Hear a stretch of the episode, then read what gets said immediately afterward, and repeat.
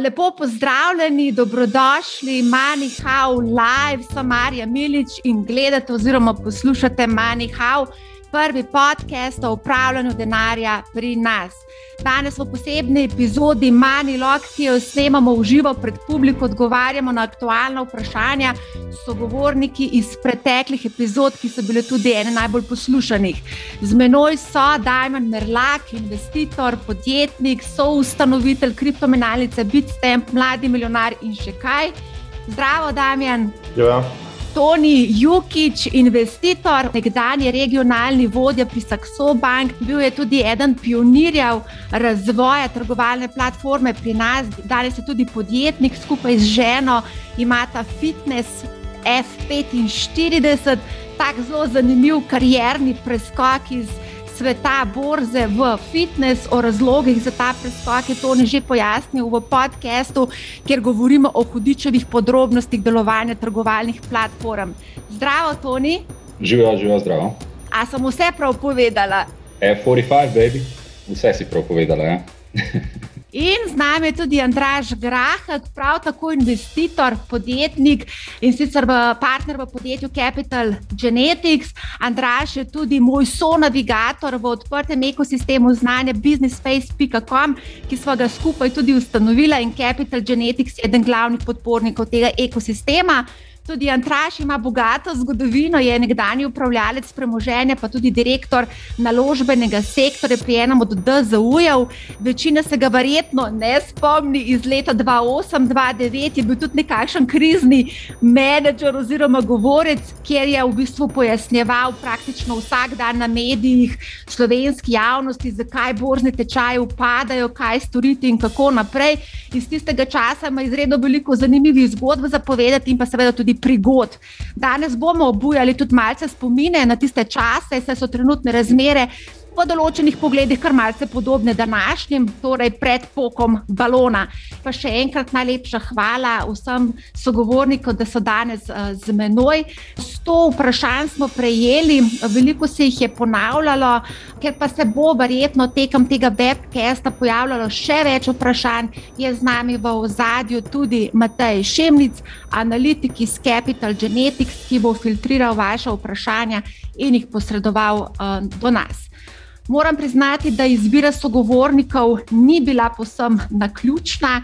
Vsi sogovorniki so z menoj že imeli podcast Manihau, poleg tega sem tudi vse predstavila kot ex, se pravi, ex-borzniki, ex-upravljalci premoženja. Daman je tudi povedal, da je prodal svoje naložbe v kripto. Lahko bi rekel, da si tudi ex-kriptaš, ampak verjetno nisi. Skratka, tudi jaz sem ex-novinarka in urednica finančnih vsebin in s tem, ko smo razbremenjeni določenih interesov, lahko popolnoma brez lake na jeziku povemo to, kar si mislimo, oziroma tako, kot je.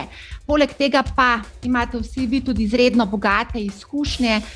Preden gremo na vsebino, bi rada še povedala nekaj tehničnih podatkov oziroma informacij. Dobila sem veliko vprašanj, če bo posnetek na voljo, da bo vse te pikantne podrobnosti in relevantne informacije bomo objavili v epizodi Manihau. Torej, naročite se na Manihau, ne bo vam žal. Sicer pa tudi live streamamo preko YouTube, preko kanala Marija Milič, tako da bo tudi na YouTubu dostopen ta posnetek. Ne bi preveč dolgovezila, gremo kar v akcijo. Preden gremo na vaše vprašanja, bi za ogrevanje najprej odgovorili na vprašanja o motivih naših sogovornikov za investiranje. In sicer na LinkedIn-u sem objavila, na mojem LinkedIn-u sem objavila vprašanje, na katero je odgovorilo približno 250 ljudi. Vprašala sem jih, kakšen je njihov motiv za investiranje ta hip. 60 odstotkov pravi, da zasleduje dolgoročne cilje, 16 odstotkov načrtuje večji nakup na srednji rok. 21 odstotkov, to me je kar malce presenetilo, jih prizna, da jih mikajo lepi donosi, 5 odstotkov pa skrbi inflacija in ležarine. Torej, kakšen je vaš komentar in kakšni so dejansko vaši motivi za investiranje? Pa dajmo začeti z Damjanom. Uh, Damja, ti imaš 100 plus milijonov, lahko bi ležal na plaži in pil koktejle do penzije, ampak si vseeno aktiven investitor. Zakaj? Najprej zdravo. Lahko bi, ampak eh, tako življenje postane precej dolgočasno, tako da človek mora nekaj početi. In eh, meni je v bistvu to investiranje, finančni trgi, trgovanje mi je tudi eh, precej v veselje, ne samo, eh, ni samo želja po nekem donosu oziroma zaslužku. Zdaj, eh, teh 21 odstotkov. Eh, Mene v bistvu s tem ni nič narobe. Vse je v redu, če nekdo želi um, biti dober v nečem in, in če mu to uspe, in uh, recimo, da ta cilj zasleduje, se na, in na kriptovalutah, in na finančnih trgih, tradicionalnih, se da narediti eh, zelo dobre donose. Nekateri, ki so zelo dobri, lahko naredijo donose, za kateri nekateri mislijo, da sploh niso realni, da so ne mogoče. Toni, kaj pa tvoji motivi? Ti se zdaj ukvarjaš s fitnessom. V epizodi, ki smo jo posneli, si rekel, da ne izključuješ možnosti, da bi se kdaj vrnil v ta finančni svet, ki si ga zapustil pred leti. Si pa tudi povedal, da si se, mislim, da leta 2017 umaknil iz borze. Ali zdaj investiraš in kaj so tvoje motivi za investiranje ta hip? Mislim, jaz sigurno še z enim očesom spremljam trge. Ne. Po mojem, tako kot je Damien rekel, če si enkrat vem, v preteklosti deloval, nekako imaš uh, neko afiniteto do tega. Ne. To je moj način, da sploh ne vem, da malo s tem, s tem spremljanjem trgov, pa tem, kar se dogaja, ti ohraniš neko vitalnost, ne spremljaš stvari in, in če, si, če si pozoren, lahko tudi kakšno priložnost dojameš. Tako da jaz še vedno sem deloma prisoten. Umaknil sem se iz borze 2017, govoril o delniških naložbah. Um, verjetno se bomo pogovarjali o tem, kje v tej fazi potencijalnega balončka smo. Jaz sem že takrat malo zapaničaril, zdaj se mi je, da pač to, kar se dogaja, ni najbolj uh, logično, in, in, in sem se umaknil, sem šel v finite stvari, sem šel malo nepremičnine, kasneje, ko sem se za kratek čas tudi Bitstampovi ekipi pridružil, tudi začel na kripto gledati s čist drugačnimi očmi. Tako da tisto, kar je finite, tisto je še vedno to, na kar v tem trenutku stavim, v tistem delu premoženja, k, s katerim se pač mali gram. Gre pa za neke stvari, ki ti po mojem ostanejo v krvi. Ne? Če, če 15-20 let spremljaš trge, pol ne vem, enostavno kako vem, si noter v tem. Um, in to je to. Ne. Tako da eno je, da se omakneš recimo z trga, drugo je pa, da se omakneš iz nekih, rečemo, teh kariernih uh, poti v finančni industriji, ki jih prinaša zraven, pa nekih drugih stvari, ki nima sploh veze s trgom. Andraš, kaj tebe žene, ti si tudi že kar nekaj časa od tega, kar si izstopil iz tega sveta, ampak še vedno si aktiven. Zanimivo tudi razumeš vse novotarje, te tako kripto sveta, kot klasične borze, kot neobank. To te v bistvu zelo zanima, kaj tebe žene in ali danes tudi investiraš. Trke. Mislim, človek zmeraj žene neka radovednost, da se kaj novega nauči. Jaz lahko rečem, da sem se iz rekel, položaja, ko sem bil za volanom institucionalnega investitora, In takrat na KD sklanih, danes so to General Investment, smo praktično uh, upravljali portfelje po celem svetu. Takrat se je pač svet odpiral z trgi v razvoju, v Sloveniji so nastajali globalni delniški skladi, ETF-ji so obstajali, ampak ni bilo tako agresivno, kar se tiče samih struktur, uh, nadomestila, provizij in tako naprej. Zdaj, uh, predstavil sem se pa bolj, temu se reče, naftno, v naftni terminologiji, v upstream. Ne? To pomeni tam, kjer nastajajo podjetja, tam, kjer se gradi podjetniške zgodbe, tam, kjer v bistvu je treba zbrati kapital. Uh, veliko se ukvarjamo z skladi zasebnega kapitala, iščemo naložbe, sprašujemo se, kako se obivati s podjetniki, kako skupaj graditi zgodbe. Tudi ni najbolj enostavno, kot v vsaki družini, da se malo pohecam. Ampak v bistvu uh, moj motiv je, da a, se vsak dan nekaj novega naučimo, najdemo neke nove projekte, ki so zelo ambiciozni, mogoče malo odpiramo določene stvari v Sloveniji, ki jih ni. Uh, jaz se malo hecam, da gradimo kapitalski trg 2.0, kar 1.0 enostavno ni deloval. Um, zdaj, kam bomo prišli, kdo ve, v bistvu se niti to ne sprašujem, ali take it day by day, ali kako bi se temu rekel. Tako da, kar se pa tiče investiranja samega, pa seveda tudi, če nekaj investiram, razen tega, da imam pač seveda svoj kapital vezan v firmi Capital Genetics, imam še eno drugo naložbo, kjer imam mašinski delež, ki je tudi v bistvu v finančni verigi, ki se ukvarja s supply chain managementom. Imamo pa še nekaj še iz starih časov, ko sem v naložbe v KD skladih, ker sem zmeraj v bistvu pravilo, da če nekaj upravljam, imam tudi svoj denar tam noter, nikoli nisem kupoval nekih delnic ob strani ali kaj takega. Imamo pa še en portfelj, ki se mečka ne igram, v bistvu tam pa včasih kupam kakšno opcijo, pa včasih tudi kaj pošortam, če treba, ampak to so taki mehki zneski, ker se v bistvu bolj igram s svojimi lastnimi emocijami, pa kaj doživljaš, ko se recimo postaviš, uh, malo tečeš pred biki, ali kako bi se temu rekli, v pamploni, ne? tisti norci, ki tečejo, pa upajo, da jih na pomendralno. No. Malo se tako zadnje čase počutim, no, da se malo pohicam. Ne? Ja, o opcijah in šortanju bomo definitivno danes še govorili. Tako da za enkrat najlepša hvala. Jaz predlagam, da gremo kar v akcijo in odgovorimo na najbolj aktualno vprašanje, ali se res napihuje balon, kako vemo, da se res napihuje. Tukaj so mnenja deljena, nekako biki medvedi, vsak na svojem, svoji strani. So. Eh, torej, Andraš, mogoče, če lahko. Poveš teoretično, eh, kateri so tisti znaki napihovanja balona, Ja, v bistvu tukaj je toliko razlag tega, koliko je balonov, kot je ljudi lahko pomeni, če se mene vpraša. Ampak načeloma se išče neke znake ekscesa, ne? to pomeni, predvsem zgodovinski donosi daleč nad povprečjem. Vsi vemo, da nekakšna zgodovina ni garancija za prihodnost, ampak vse na kapitalskih trgih, vse velja. Če je bil historičen donos, govorimo o nekem tržnem donosu, splošno, ne zdaj posamična delnica, ker tam so lahko zelo disruptivne zgodbe. Uh, v bistvu, če je ta donos bistveno nad povprečjem, se je to sedaj še vedno izkazalo, da je bil v prihodnosti rahlo podpovprečen. Se bom tukaj malo sposodil v bistvu misli Howarda Marksa, ki so ustanovitelj Oaktree Capital Management, ki je rekel, da nekako tri pravila on zmer sam pri sebi dal, zelo enostavno, ne, ali je balon ali ne, ne. Eno izmed njih je bilo to, da ljudje jemljajo preteklega nosa, ne, ne jemljajo kot garancijo za prihodnost. In se mi zdi, da malo smo bliže v tem modusu operandi. Drug del je vedno nekaj je na tem, ne, to je tak izraz karkoli pač, uh, rekel, nikoli se balon ne napihne, brez da bi bila neka osnova, neka tehnologija, nekaj disruptivnega, nekaj novega. Enostavno mora biti v zadju pač uh, neka vera, da se bo to lahko nadaljevalo, torej ne sme biti brez osnove in težko je reči, da recimo ali tehnološke delnice ali pa blok, če nima popolnoma nobene osnove.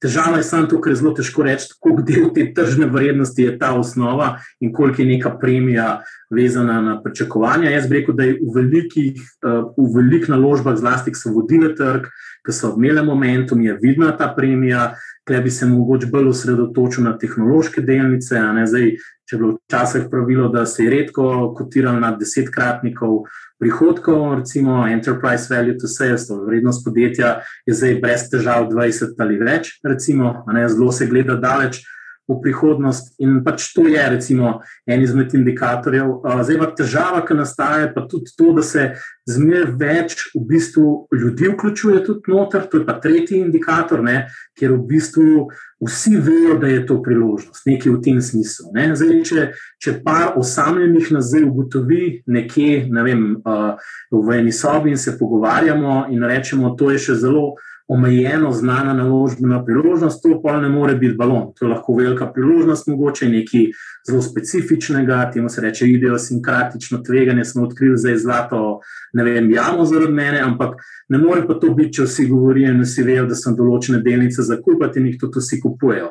Jih pa seveda lahko na tak način se zelo razvija momentum in ti tečaji lahko pač norijo, dokler se pač ne izčrpajo. Ne. Sej tudi In tako rekel, če, če bi spremljali biko borbo, pa matadorja, pa bika, se kdo pa ve, kdaj bo bik omagal v resnici. Sej včasih je to kruta igra, ne?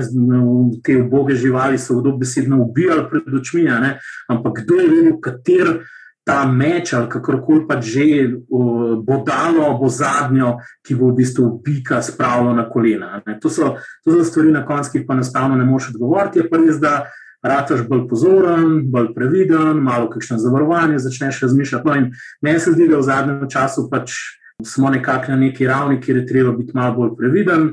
Enostavno mogoče sprejeti, da obstaja večja verjetnost, da v prihodnosti to, ta tržna premija, ki jo bomo dobili mogoče z enim ETF-om, bo prinesla nižji donos, ravno zaradi tega, ker je v povprečju višji. Je pa res ena stvar, ne, da tudi bikovski trendi so lahko trajali tudi po 20 let, včasih so imeli vmes predahe, tako da, da zdaj reči, da se bo obrnil in se sul na enak način, kot se je.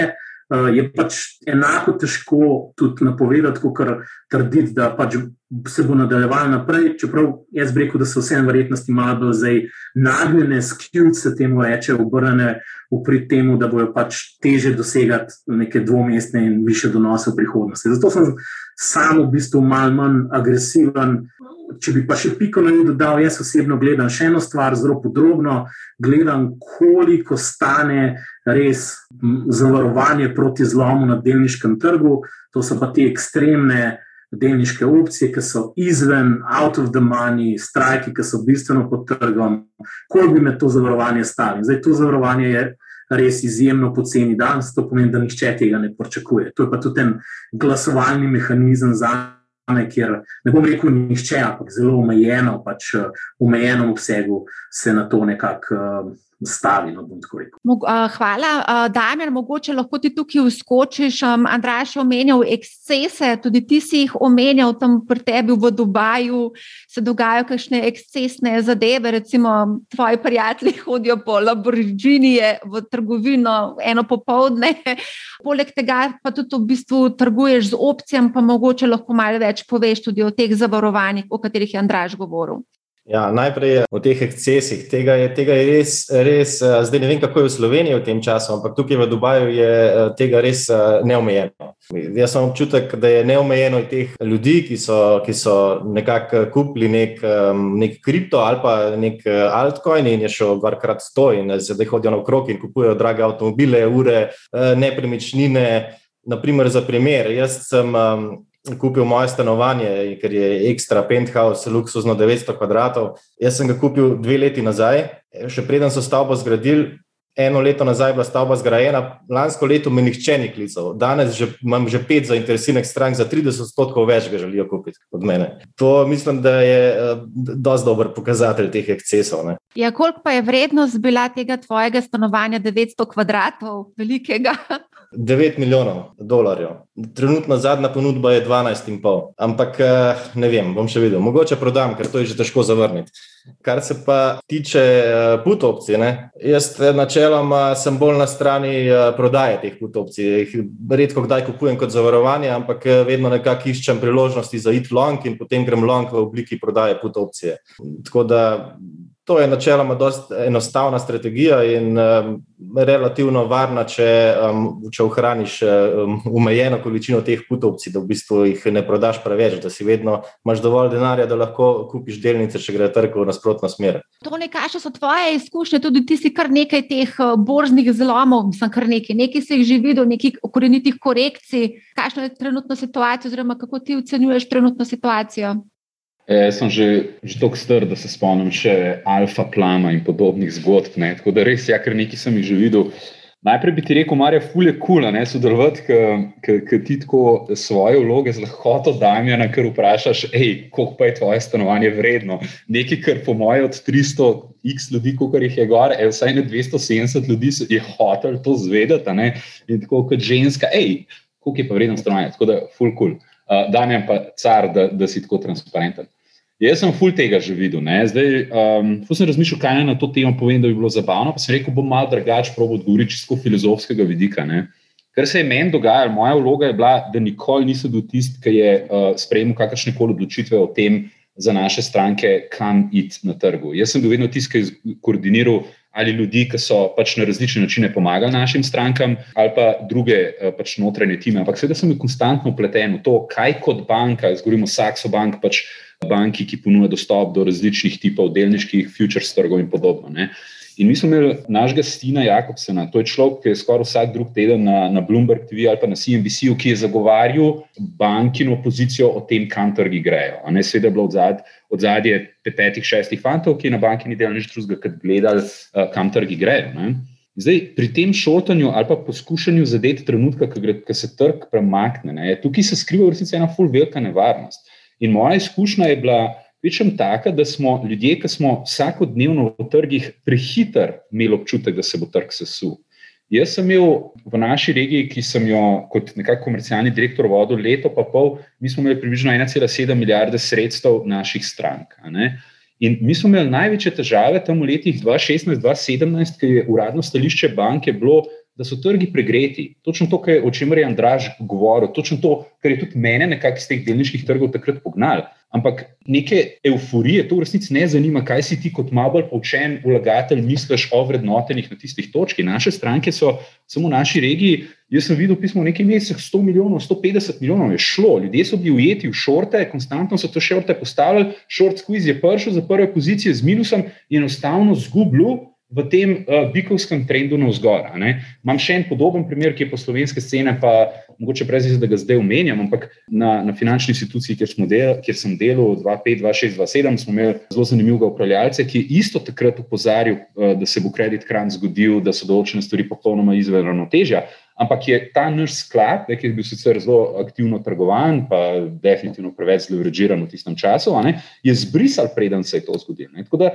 hočem reči, da tukaj, enkrat, kot je Andraš rekel, ko ta bik potegne, ta euforija potegne, pismo ne veš, uh, kdaj se bo obrnil. Ne? Tudi zdaj, če gledaš, vrednotenja so visoke, niso pa res bolano pretirano visoke. In klej je en problem, ne? to je konstantno kreiranje tega denarja. Ne? Ko ti pumpaš denar v sistem, ta denar mora nekam iti ne? in vzdržuje te tečaje visoke preko nekih, mogoče v preteklosti, logičnih vrednoten. In zdaj, zdaj za me je ključno vedno ta, ne, eh, kaj, kaj se s tem denarjem zgodi, dokje pride, kje obstane in tam, kjer obstane, kaj ljudje pač s tem denarjem naredijo. Ne. Ko FED odkupuje pač obveznice, vzame vrednostne papirje, ki ima pač nek donos izven rok podjetij, posameznikov in ti da pač nek, nek fiat, nek denar. Ne. In ta denar nekam mora iti in vzdržuje te visoke tečaje. Ne. Tako da, definitivno pregreto, ne? zdaj, ali smo tik pred tem, da se skupaj sesuje ali ne. Velikrat sem videl, da se je sesulo mnogo kasneje, kot se je marsikomu zdelo. Da gremo malo špekulirati, če se sesuje, oziroma ko se bo sesulo, za koliko procentov se bo, se bo zgodila ta korekcija, kakšno korekcijo lahko pričakujemo. Približno, ne vem, kdorkoli, Andraš, da ti eno številko, da vidimo.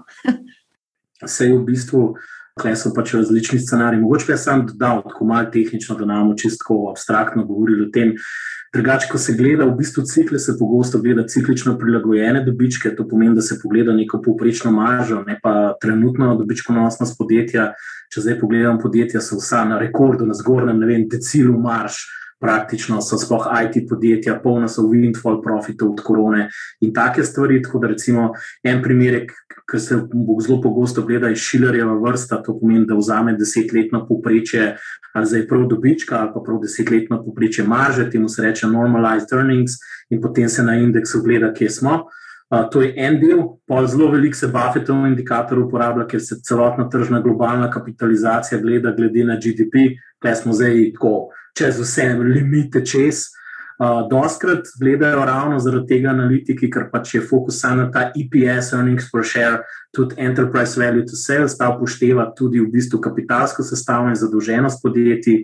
Enterprise value to sales v agregatu je tudi through the roof kazalec, ravno zaradi tega, ker je dobičkonosnost tako visoka in sama price to earnings jih ne vidiš. Tako da, v bistvu, zdaj, zakaj to govorim? Zato, ker če bo prišlo do normalizacije marš, če smo vrnjeni v neko okolje, ker ne bo produktivnost driver vseh marš, kot je bilo zadnjih deset let, in bo tudi trg dela rekel svoje, in bo te marže začele padati, pol v bistvu lahko ta padec tudi kar, kar velik, tudi do 50% brez težav, po mojem mnenju. Ne? Zdaj pa bolj vprašanje, pa zakaj in kaj se je to zgodilo. Ne? Jaz sem malo poslušal tako rekel, iz zgodovine nazaj. Še enkrat bom Howarda Marksa ven prevlekel, res ima dobre memote in jih piše že 20 let, na začetku ga nihče ni bral, zdaj jih malo več ljudi ti zbere, pa so celo neke podcaste spravili noter.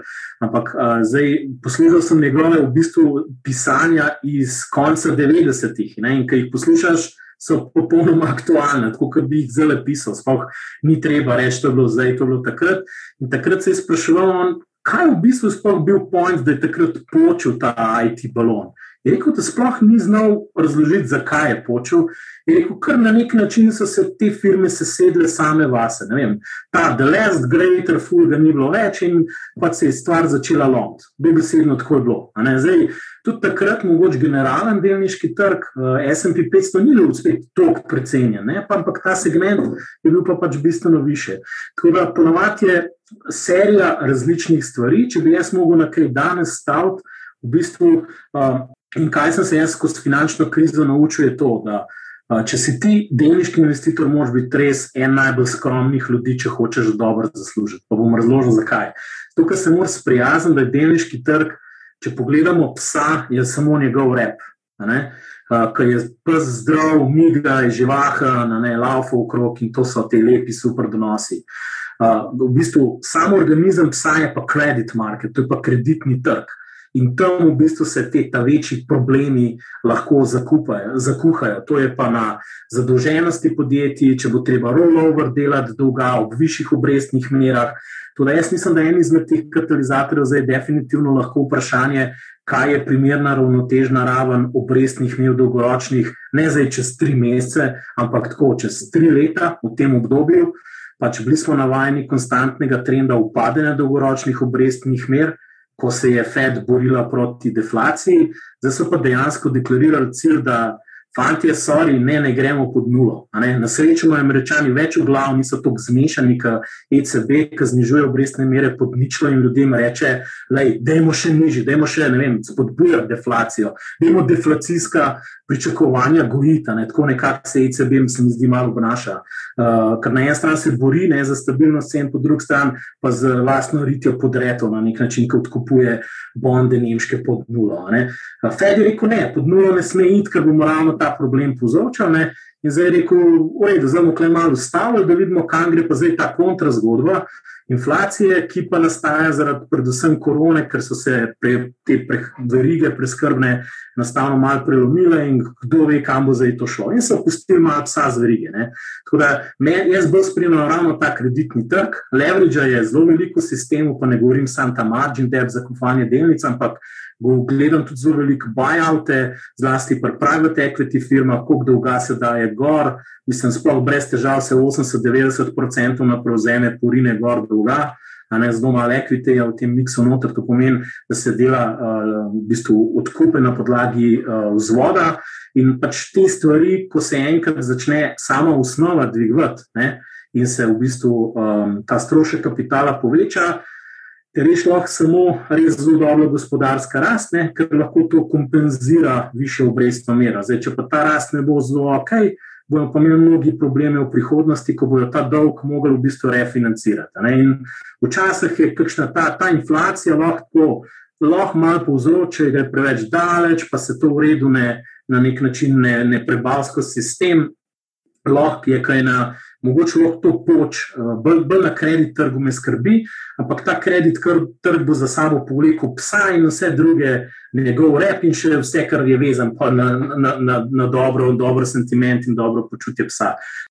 A gremo mečkam popestriti za to debato, še bolj ne.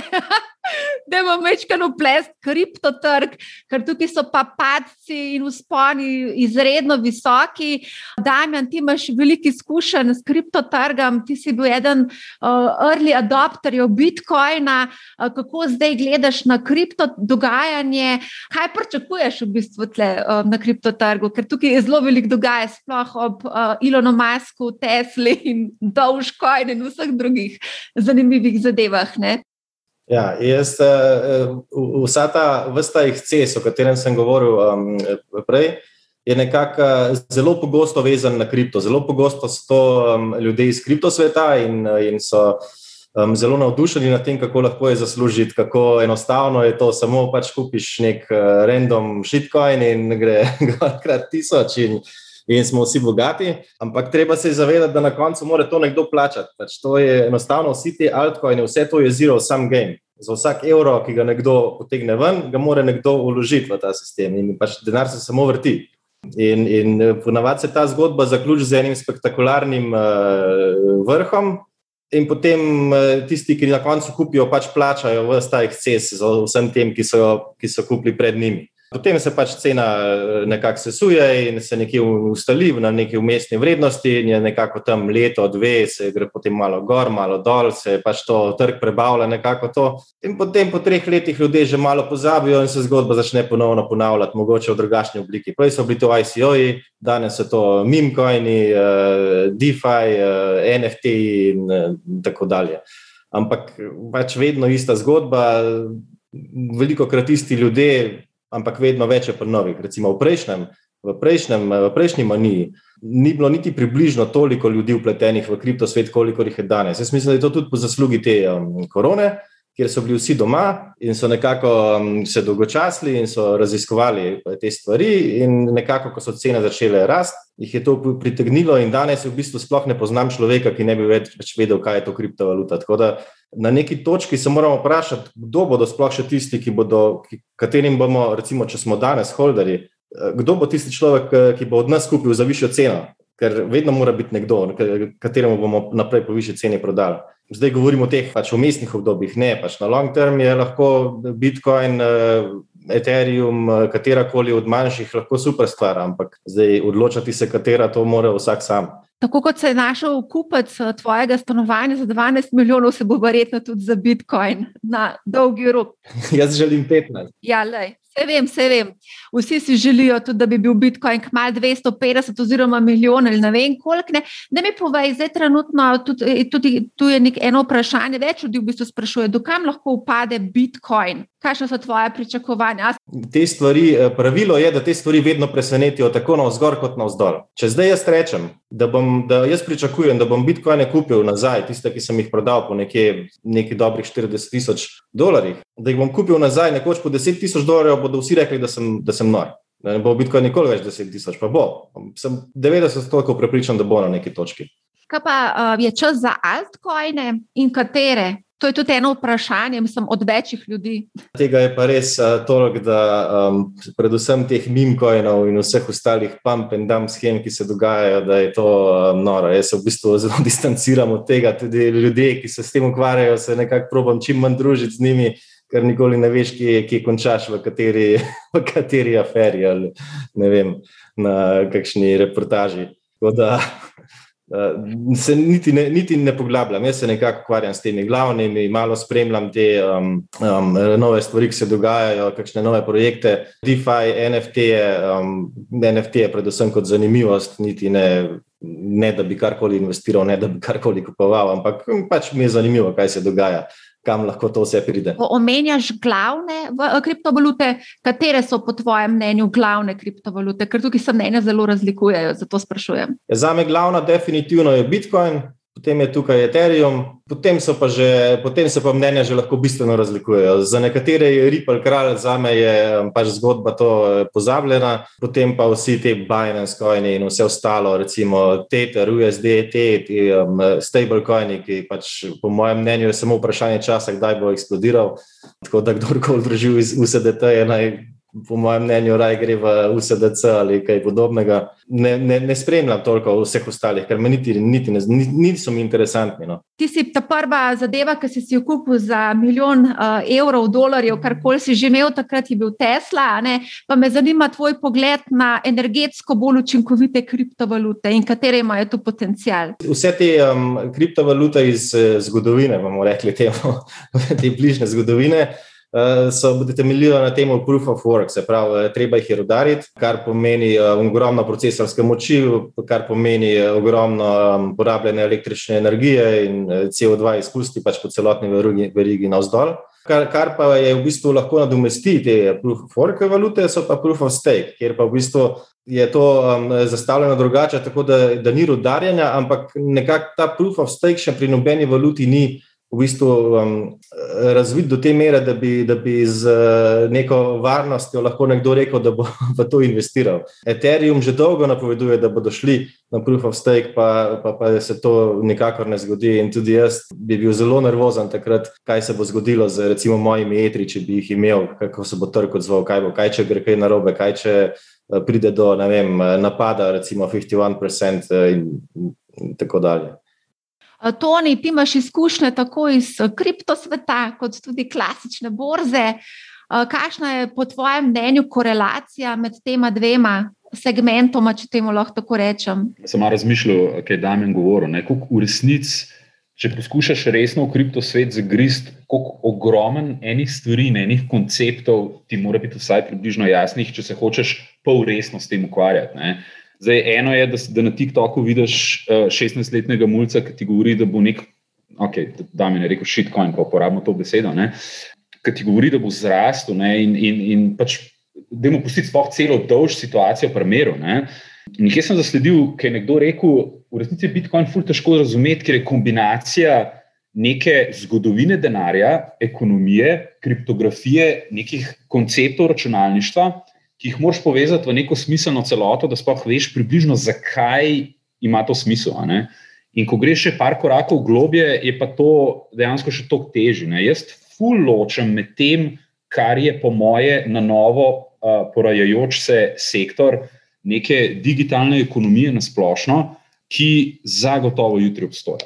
Ne? Te ljudje, ki danes rastejo gor, ki igrajo igrice, pa imajo ta skin v tem špilu, pa un skin v unem špilu, pa jim je digitalni denar, dobesedno vzibelko uh, položen, bojo o digitalnem denarju, o fiatu, vlogi centralnih bank, verjetno čist drugače čez 10, 15, 20 let razmišljali, kot mi, ki smo rasli gor ob nekih uh, drugačnih predpostavkah. Ne? Torej, eno je tisto, kar je nov, porajajoč se nek sektor. Tukaj mi odmevajo uh, besede Luke Flereta, mojega kolega, s katerim uh, občasno, pa še za ne par fanti, tako enkrat na mesec malo debatiramo o trgih. Ko smo se pogovarjali o Bitcoinu, pa je rekel, to monetarno odvisnost boste, fantje, prej, boste prej dobili kode za nuklearne rakete, kot je to moč na, na, na tem, uh, nad monetarno politiko. Zdaj, kaj hočem s tem povedati? In fulje težko v kratkem času vse skupaj uh, misli v smer, sploh kar se kripta tiče.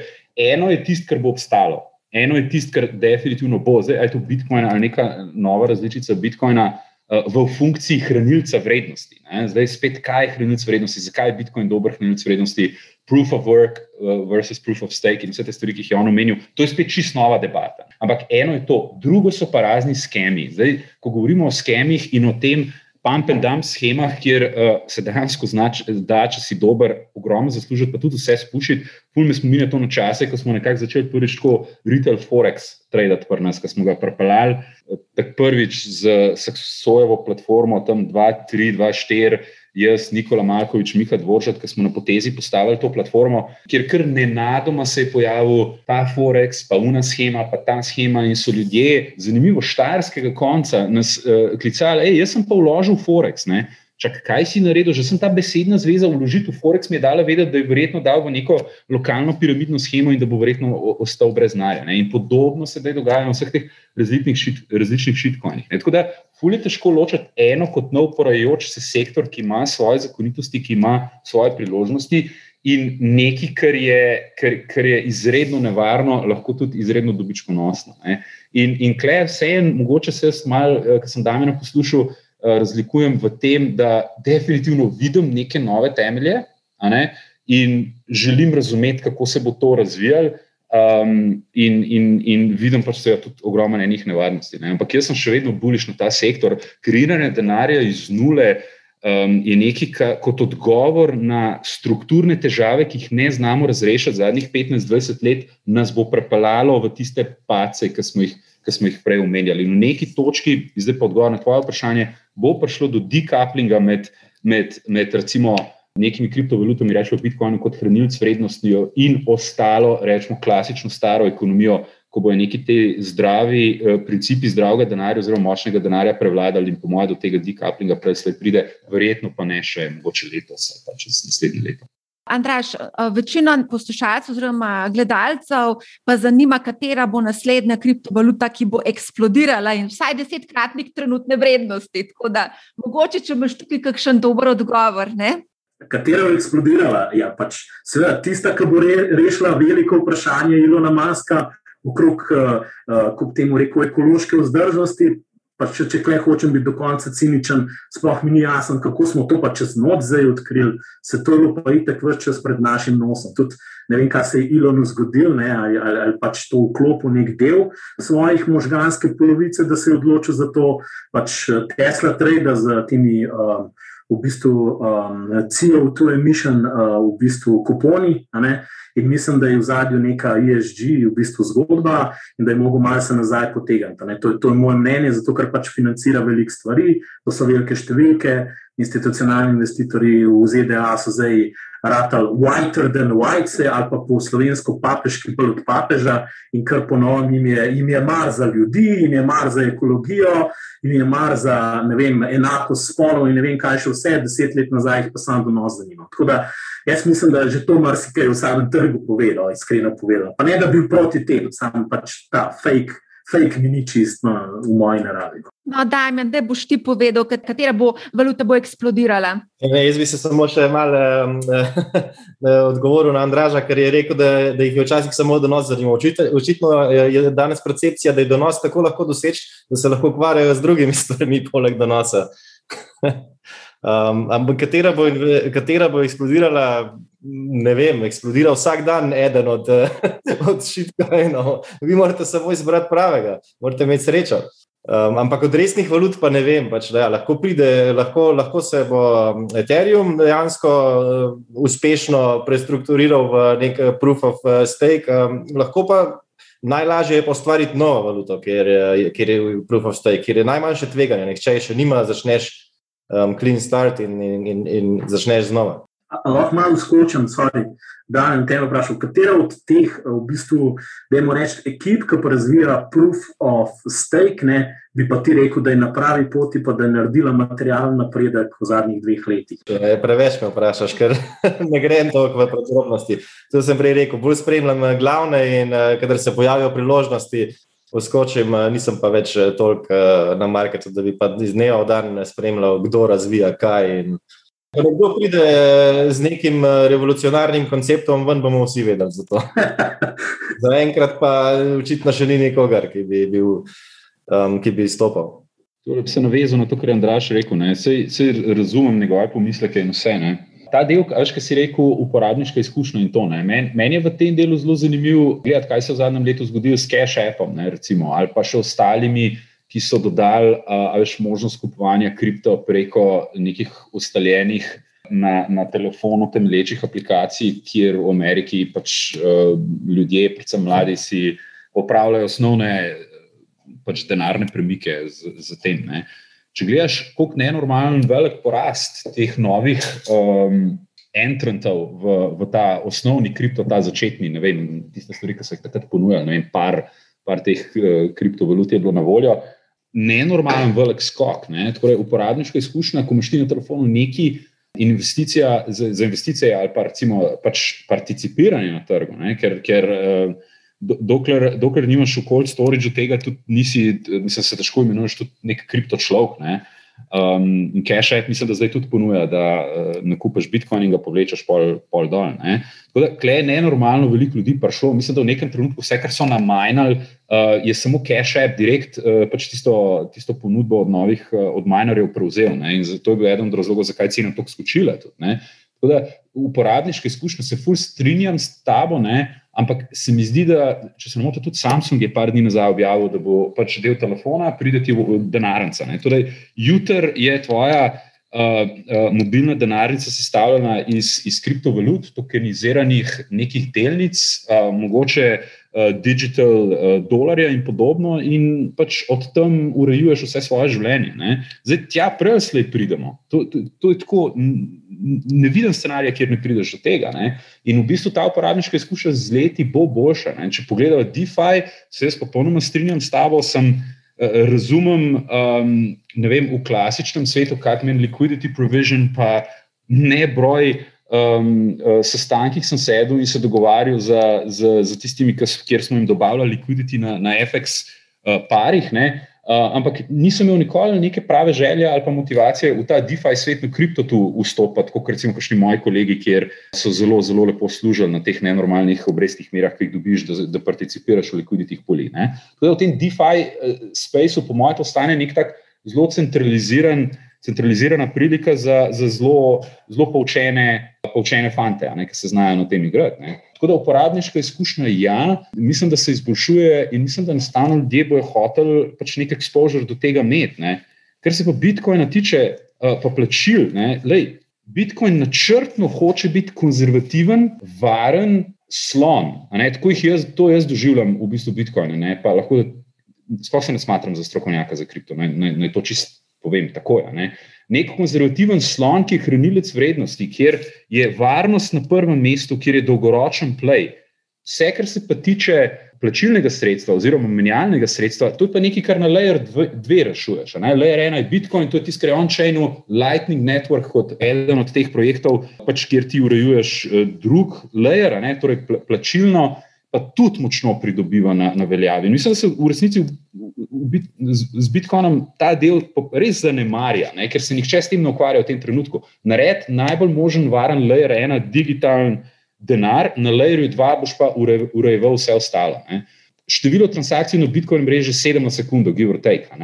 Um, število, ki lahko procesira viza, uh, je pa 65 tisoč na, na minuto. Ne? Na Lightning Networku boš lahko tudi do milijon transakcij na minuto, če boš hotel. Da, kaj je točno tista lastnost, ki jo poskušaš rešiti? Ne? Je tako že mogoče nek malo bolj zatenek, malo težja debata, no? oziroma malo bolj sofisticirana debata. No? Tako da, fully treba ločiti, kaj točno je. je, je, je Je tisto, kar je osnova za jutr, in kaj je tisto, kar je mogoče skem, kjer um, ljudje na hitro um, hoče pa zaslužiti. Večino zanima, v bistvu, kako nekako se staviti portfelj v trenutnih razmerah. Eh, če imaš recimo več deset tisoč. 100 tisoč evrov, kako bi recimo razporedili denar med katere naložbene razrede.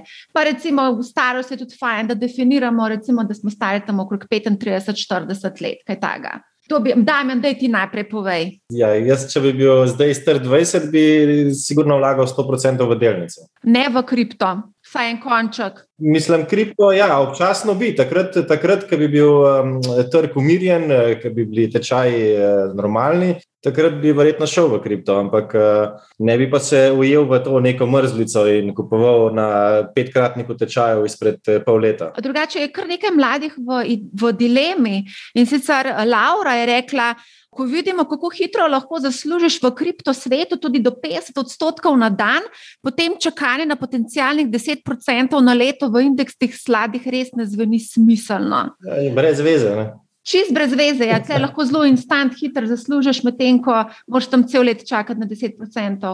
Ampak to stanje bo trajalo, dokler, dokler traja boom. Ko bo boom konec, se bodo pač nekateri bodo imeli srečo, pa bodo šli pravi čas ven, pač nekateri bodo pa pač požrli te izgube in potem mogoče se kaj naučili in razmišljali drugače. Ko omenjaš, da bi investiral v delnice, ali mogoče preferiraš kakšne delnice trenutno, katere so ti najbolj všeč?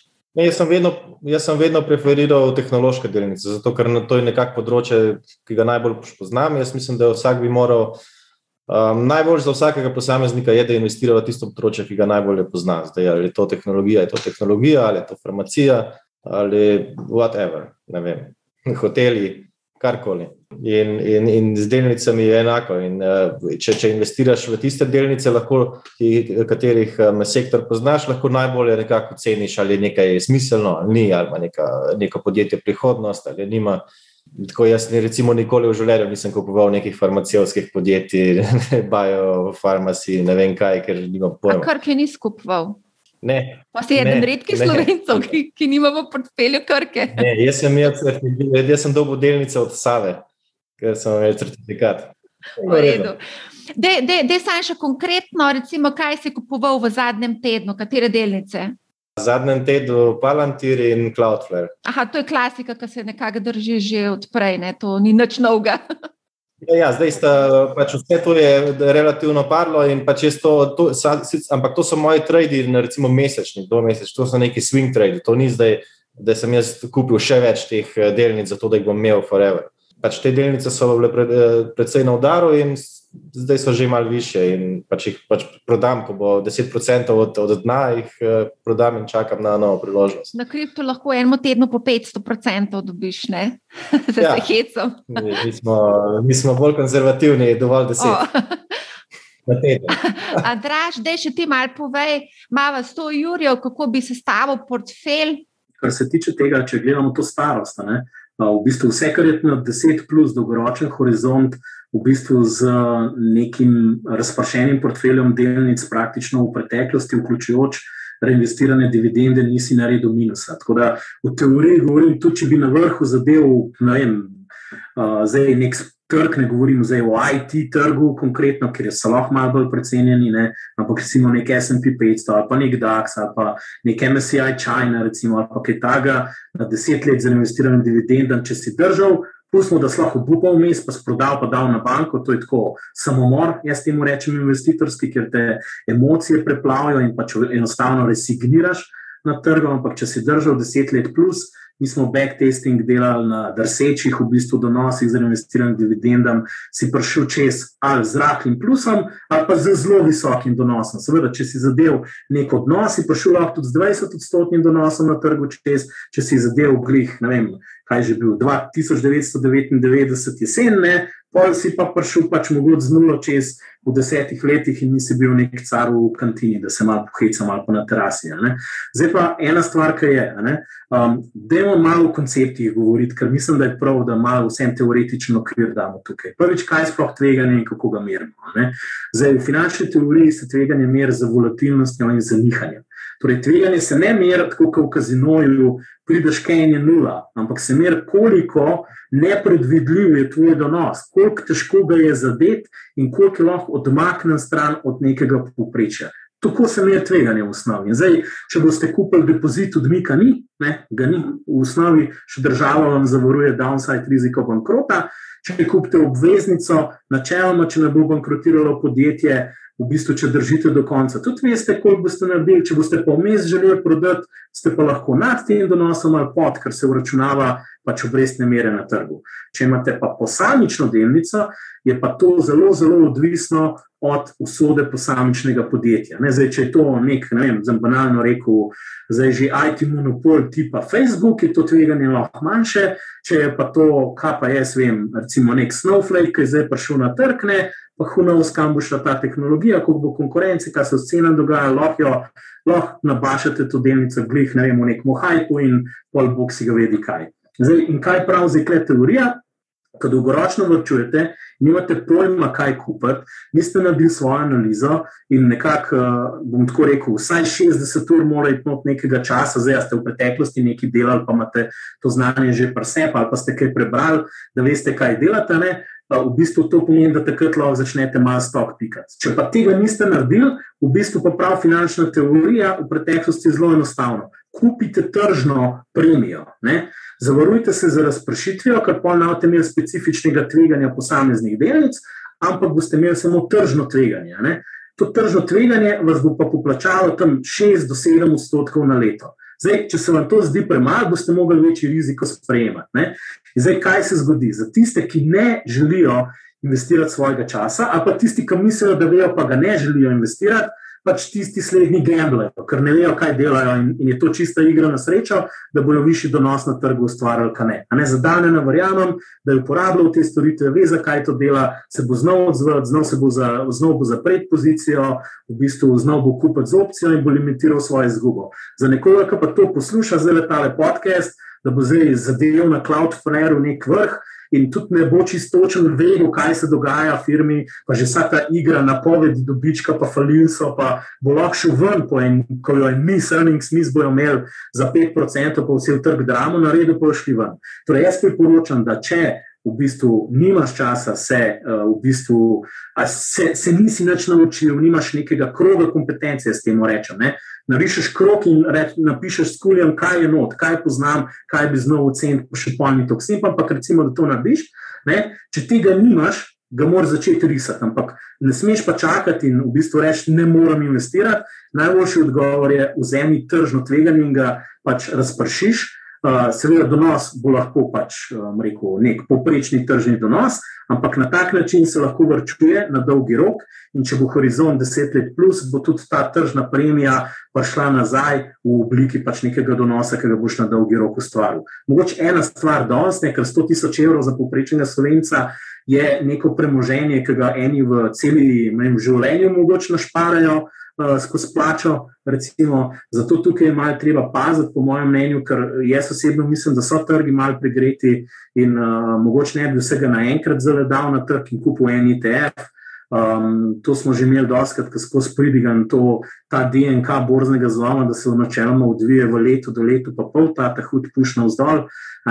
Tako da jaz bi se to nekako na šest mesečne mogoče tranše razdelil, s tem imam sicer malo riziko, da mal prepozem kaj kupil, če se bo nadaljeval, ampak po drugi strani me pa na opanika zagrablo, ker bom kar naenkrat 100 ur dal noter in jih bo 50 čez en let in potem mi bojo vsi rekli, kakšen idiot sem, se upravičujem pač francoščini in bom pa to dal ven in dal takrat na banko, ki bojo blega zlomka so ponujale mogoče pol odstotno obrestno mero, ker bojo rabile kakšno likvidnost. Ne. Tako da v bistvu bi, bi, bi to uh, priporočal, zdaj iz kje pa to izhaja. Mi takrat, ko je udarila finančna kriza, smo v ogromno backtestinga naših vlagateljev delati, zakaj so nehali vrčevati. Večina jih je prekinila vrčevanje in dejansko zaklenila izgubo. Ni zdržala skozi obdobje 2009, 2010, 2011, to so bili najlepši časi za kupovati, nišče pa ni hotel se dotakniti delnice, niti iz palca, po domač povedan. In v bistvu takrat so obupali in so dali pač na depozite, ker takrat so imeli nekaj 2-3 odstotne, mogoče 4 odstotne obrestne mere. Ne? In kaj se je izkazalo, ja, naslednjih deset let je šlo še gor. V bistvu je od, od oktobra 2008 pa marca 2009 šlo samo na vzgor. Jaz lahko takrat sam rečem, da sem pismo dobil od svojih lastnikov, prodajte vse. Tole bo kataklizma in vse se vse suje. Okay, da gremo kar naprej. To ni, da še ti malo povej, kakšne so tvoje razmišljanja, kako bi ti razpršil in um, koliko je pomembno ta razpršitev portfelja. Jaz se, kle, kar se delniškega dela tiče, čist strinjam z, z Andražem. Ne. Jaz bi kle definitivno surovine dal noter, ta premik, ki mislim, da ga je Andraž omenil od nekega growth uh, do value segmenta, se mi zdi, se je začel. Tako da, ko greš, da je pejt v trg, če nimaš nekih specifičnih znanj, imaš še nekaj različnih ETF-ov ali različnih košaric, ki se jih lahko poslužuješ. Mislim, da za surovine je prostor, čeprav je potegnil nenormalno v zadnje pol leta. Eh, tukaj smo enkrat, nedolgo nazaj, s kolegi odprli zanimivo debato igre na, na, na nuklearno energijo, v smislu zelena agenda se bo v Ameriki, kot tudi v Evropi, nadaljevala, v resnici pa ta preskok iz trenutnih uh, načinov porabe energije na bolj zelene se zna zgoditi, da pač brez uh, nekega. Na novo oživljenega entuzijazma do, do nuklearne energije, morda tudi ne bo možen. Tako da to je en zanimiv play. Kar se tiče zavarovanj, sem naletel na eno zanimivo stvar, ki se mogoče omembe vredna. Pred neki, pred neki meseci mislim, da so en nov ETF naredili, ki kupuje oziroma ki omogoča privatnim investitorjem investirati v, v bistvu obrambo pred eh, naraščajočimi obrestnimi merami. Če kle, delnice, eh, če kle obveznice začnejo padati in smo na koncu tega nekega dolgoročnega okolja z skoraj rekordnimi nizkimi obrestnimi merami, Eh, potem v bistvu, če te, če te to skrbi, ta zaščita ima smisel. Implied volatility kot ena izmed najpomembnejših komponent cene opcij je izredno nizka, kot je Andraš rekel. Tako da ta ETF v bistvu stavi na to, da bojo obveznice padle v brezne mere, da bojo za dlje časa šle gor in je mogoče tukaj iz tega vidika zanimiva obramba pred tistim, kar je Andraš prepovedal. Tako da trg vzam ETF-je. Eh, za surovine, mislim, da je prostor in pa tisti, kar sem že kar nekaj časa govoril. Jaz mislim, da 10-15 posto za pogumne, tudi 20, eh, je v portfelju, mora biti prostor za, za kripto. To, to je moje mnenje zdaj v tem trenutku. To, kako ima Bitcoin addressable marketa v funkciji hranilca vrednosti, Eh, in to, kot je do zdaj ovrednoten pri, rečemo, 850 milijardah, jaz mislim, da je tukaj definitivno potencial še, še za dosti večjo rast. Ampak, seveda, previdno, eh, komod gremo lahko še za 20, 30, 40 posto dol, ampak na nek daljši rok, jaz mislim, da to ne gre stran, to bo in če ne drugega, se bo začel izobraziti v, neki, o, o pač neki novi, v nekem novem naložbenem sektorju. No. Tako da z tega vidika, jaz mislim, da 10, 15, 20 posto je treba tudi, tudi v to dati. Koliko pa recimo teh delnic oziroma naložb imeti v portfelju? Ker tukaj imamo eno vprašanje od Maje, ki je v bistvu bi kar vse kupljane. Se mi zdi, da, da ljudje ne vejo točno, kaj kupiti, potem pa kar vsega malce naložijo v svoj portfelj. Malo veznice, zlato, peer-to-peer, venture capital, vzajemni skladi, ETF, pa vmes še malo turistične nepremičninske enote.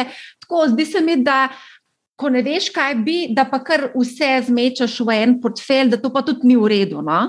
ker vlada totalni kaos. Mogoče, da je Damien ti povej, kaj se ti misliš o vsem tem, ali je fajn, da imaš tako razpršen, oziroma totalni kaos, ali je vse en fajn, da pač se nekako fokusiran. Ti si rekel, da je tako, da je dobro, da si investiral v tisto, kar poznaš. Ne? Jaz mislim, da predvsem si ljudje s tem eh, zelo zakomplicirajo svoje življenje. Ker če imaš deset različnih naložb, Eh, govorimo o različnih tipih, ne različ, deset različnih delnic, ampak ne vem, stanovanja, se pravi nepremičnine, delnice, obveznice, private equity, ne vem. Kripto, to nekako treba vse spremljati. In, um, sploh z nepremičninami je treba fizično vzdrževati, je treba se s tem fizično ukvarjati. Jaz, če, če to niso res ekstremno veliki portfelji, jaz, se, jaz se, bi se definitivno omejil na neke, neke delniške sklade um, in, in to je to. Jaz ne bi preveč kompliciral z raznimi temi bolj obskurnimi eh, naložbami. A ti bolj investiraš v opcije, pa recimo imaš tudi hotele, ne pa tudi zdaj v bistvu imaš dve ali koliko nepremičnin, imaš tudi ne v svojem portfelju, lahko dava portfelj, ne nepremičnine, ki jih imaš. Ja, jaz imam, ampak eh, pač jaz štejem svoj portfelj za malo večji, ne primerljiv z nekom, ki recimo želi 100 tisoč evrov razprašiti, ne moreš razprašiti v, v, ta, v deset različnih stvari. Pa tudi jaz imam neko ekipo ljudi, s katerimi delam in eh, skrbijo za te zadeve. Jaz se ne ukvarjam sam s temi nepremičninami in je malo drugače. No. V bistvu jaz imam podjetje, ki nekako gradim na podlagi tega. Ne, ni to za me samo investicija, kamor vložim denar in potem eh, raste samo od sebe. Nekako tudi upravljalci premoženja, kot sem se z njimi pogovarjala, imajo v portfelju neko omejeno količino delnic, ni za to, da bi imeli po 100-200 delnic, načeloma tam do 100 oziroma 50 delnice nekako v portfelju. Andraš, kako pa v bistvu se rebalansira tak portfelj? Zato je kar malce težko, se mi zdi, pa recimo to ne je omenjeno, da imaš malo kriptovalut noter. Zdi se mi, da v bistvu zelo hitro se podre uh, ta ravnotežje v, v portfelju, če imaš tako dinamične naložbe. Ne? Zato, ker ljudje gledajo samo na eno plat kovanca in to je donos, pa še tega za nazaj gledajo. Ne? V bistvu to je samo Y-nos. Če hočeš ti portfelj oblikovati, si narišeš ta Y-nos, pa X-os in na Y-nos imaš donos pričakovani donos, zdaj če naiven, vzameš preteklega, pa ga ekstrapoliraš, ampak stvar ni tako simpel, nažalost. Lahko bi bila, če, bila, če ne bi bili vsi pametni in bogati. Na, na pač X-os imaš pa tveganje. Tveganje moš pa oceniti. Zdaj pa najbolj enostavno mogoče za vse, da se malo po konceptu vara zgledujemo. Vzemite v zadnjih petih letih, ne vem, pet najslabših dni za eno delnico ali pa za en market, pa jih zlepite skupaj v en mesec, pa pogledajte, kako bo šlo lahko v minus. 15 slabših dni za Bitcoin nazamete, pa jih zlepite skupaj, te pogrunta, da je to lahko 70-80 postov šusu. Izgube, to je var, to je maksimalni risk. Le lahko Zdaj, pomagaš, Andraš, Folko, klej moš kar vzeti delnice 50, kripto 80. Recimo, to je to, kar je ponotraniš. No, no, in zdaj smo na X dala kripto 80, delnice 50, ne vem, obveznice 10, lahko zanihajo dol, nepremičnine lahko 20, recimo, a ne zdaj odvisen, kje imate, tudi rezidenčne malo manj, komercialne malo več. In enostavno, zdaj morate pa tehtati toleranco za tveganje, ne? to moraš vedeti. In zdaj, tako kot je Toni rekel, jaz hočem imeti noter zaradi potencijala kripto, ok, kriptovalda ima donos najviše, ampak ima pa tudi najbolj ekstremno tveganje. Zdaj, koliko bo zdaj miksa dala noter, ali koliko tabasko, ta pa čilijo, si ti zdaj dal gor na jed, da v bistvu ti ne bo čisto žrl do besedno tvojih borbončic. In, in to je težava, ne? ker s prvim, ti lahko s prvim grižljajem si uničiš cel koncept in nič več naš vrčeval. In, in to je point. Kaj je zdaj zgodba? Tiste stvari, ki so bolj tvegane, načeloma morajo imeti malo manjšo utež zaradi tega, ker se ti lahko zgodi pač ta nihaj na vzdolj in ti limitiraš ta skrajno tveganje. Zdaj, banalno.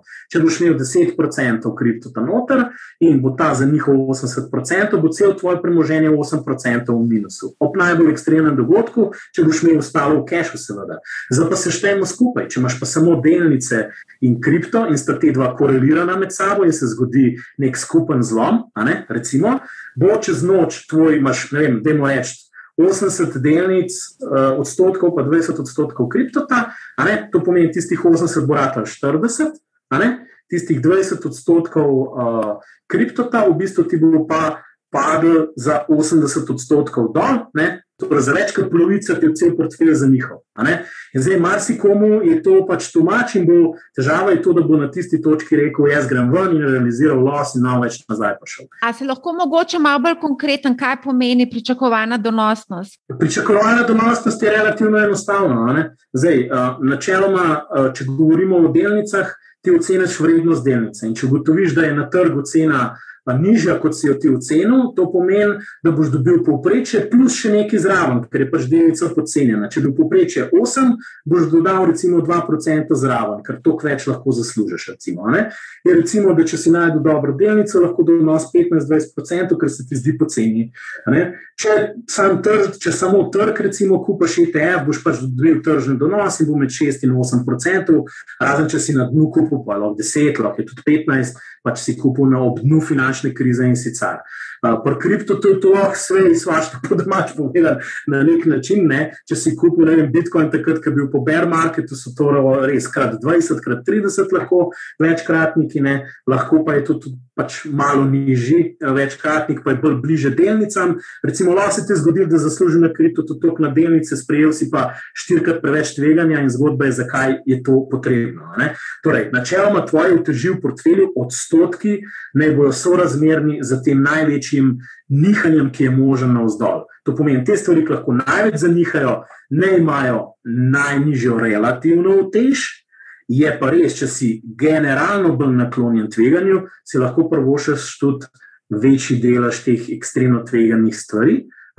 Pa je pa še ena stvar, ki jo veliko govorimo, bomo naenkrat kupili, ali bo to nek vrčevalni načrt. To so pa čisto, to so pa popolnoma drugačni potem koncepti. Zakaj? Ker v bistvu, če ti vstopiš naenkrat na trg, je tvoj outcome v prihodnosti vezan na to, kako bo veti v črto potegnil premico od A do B.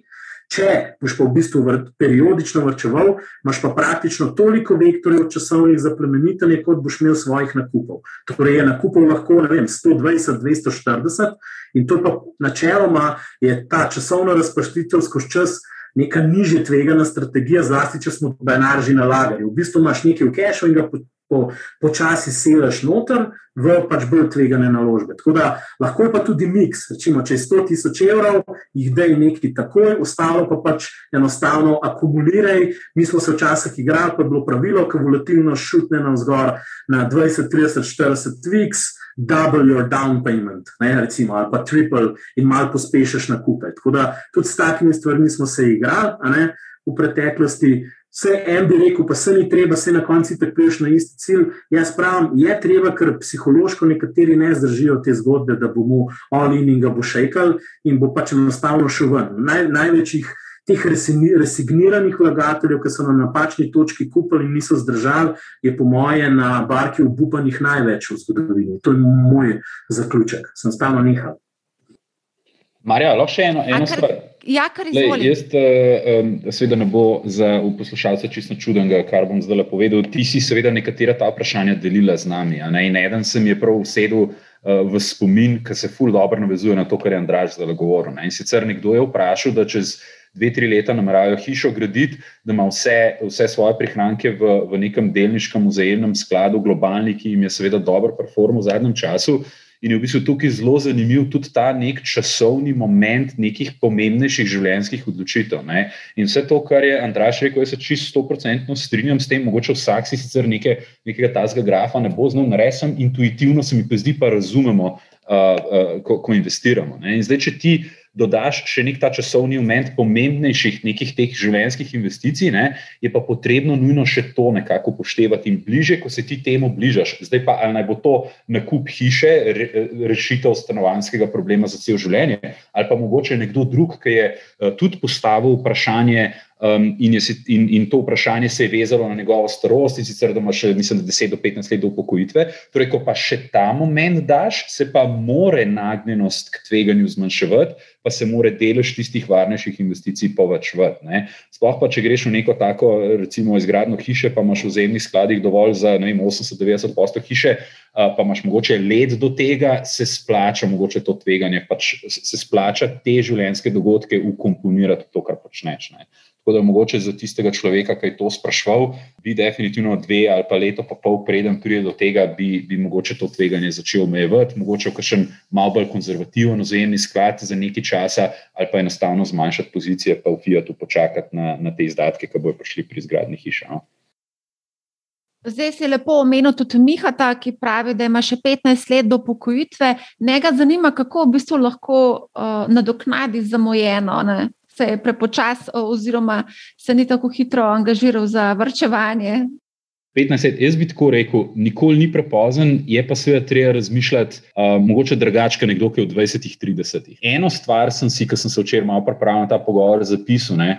In sicer ogromno enih ljudi, ki so mogoče, ki niso eksperti na finančnih trgih, ki tudi razumejo, kako investirati, kako diverzificirati premoženje so pa strokovnjaki na enem področju. Tudi moj vodovodar, ki mi pride zrihtati pravni stroj, ki je poplavil, on ve, kje proizvajalci so, on ve, kdo dobavlja pipe, on ve, kdo je najboljši v Nemčiji, spozna se na nek segment. Gamer, ki igra. E-sports, mislim, kako je panoga zrasla, kakšne donose se je, tam, eh, se je dal tam dobiti. Ne? Tako da hočem reči, vsi smo nekje, vsaj deloma strokovnjaki, izkoristili to, Vse veš, kje pipe so dobre, vse veš, aj knauf, ne vem. Okay, zdaj res ne vem veliko knauf, tako da kar bom rekel, bom zajel. Ampak tako, vsi smo nekje aktivni. In mogoče, če razparceliraš svoje premoženje in kupaš trg, je te v njih 10% pa ohran za to, da mogoče malo bolj specifično targetiraš nekaj, kar poznaš iz svojega foha, iz svoje branže. Ne? Za tistega, ki je zdaj 15 let pred upokojitvijo, jaz bi rekel, definitivno pač redno uplačevanje, zdaj je to vsak dva meseca, tri mesece, aj to ETF, aj to zajemni sklad, pač so rešitve in definitivno nikoli, nikoli ni prepozno. Seveda pa nekaj zmernega, nekaj relativno konzervativnega pa nekaj, kar sledi pač nekim normalnim tem investicijskim načelom, ki jih je Draša menil. Nikoli ni prepozen. Eh, življenjska doba se skozi eh, daljša in, in mogoče bo pred 90-ih rabo denar in bo imel od, do takrat že 40 let prihrankov na borzi. Ne? Eni pa morda zapaničarijo in želijo v bistvu zelo hitro vse skupaj nadoknaditi, stavijo na napačen konec. Recimo, imela sem tudi en primer enega mladega fanta, ki je v bistvu na športnih stavah zgubil svoje pač vložke, želi pa si kupiti stanovanje. Tako da tudi to je v bistvu lahko zelo nevaren, če poskušaš nekaj zelo na hitro. Ne? Lepo počasi postopamo, smo nekako že večkrat omenili tudi v naših podcestih. Mogoče tukaj še Toni, veliko vprašanje vezano na platforme, ki bi jih priporočali normalnemu retail investorju. Nekaj smo na to temo že govorili v podkastu, na kaj morajo biti ljudje pozorni. A lahko mogoče poveste vsi, kje vi trgujete in zakaj ste vi izbrali platformo, preko katere trgujete?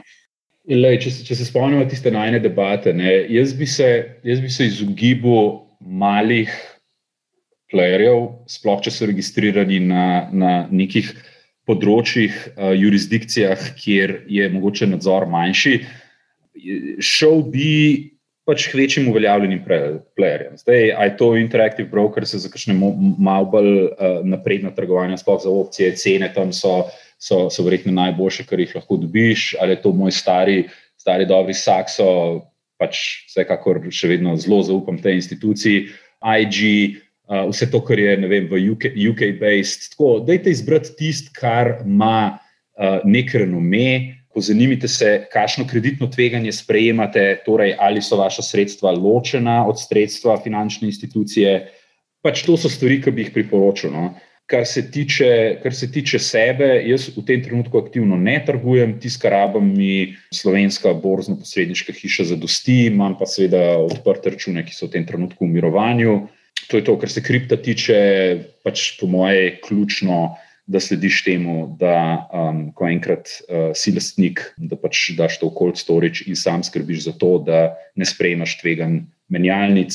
Tako da, kar se tega tiče, pač zaupajte večjim imenom. No, tako bi rekel. Damjan. Kot je že omenil, jaz uh, zase uporabljam Interactive Brokers, kripto pa zelo različno. Um, uporabljam recimo Deribit za trgovanje.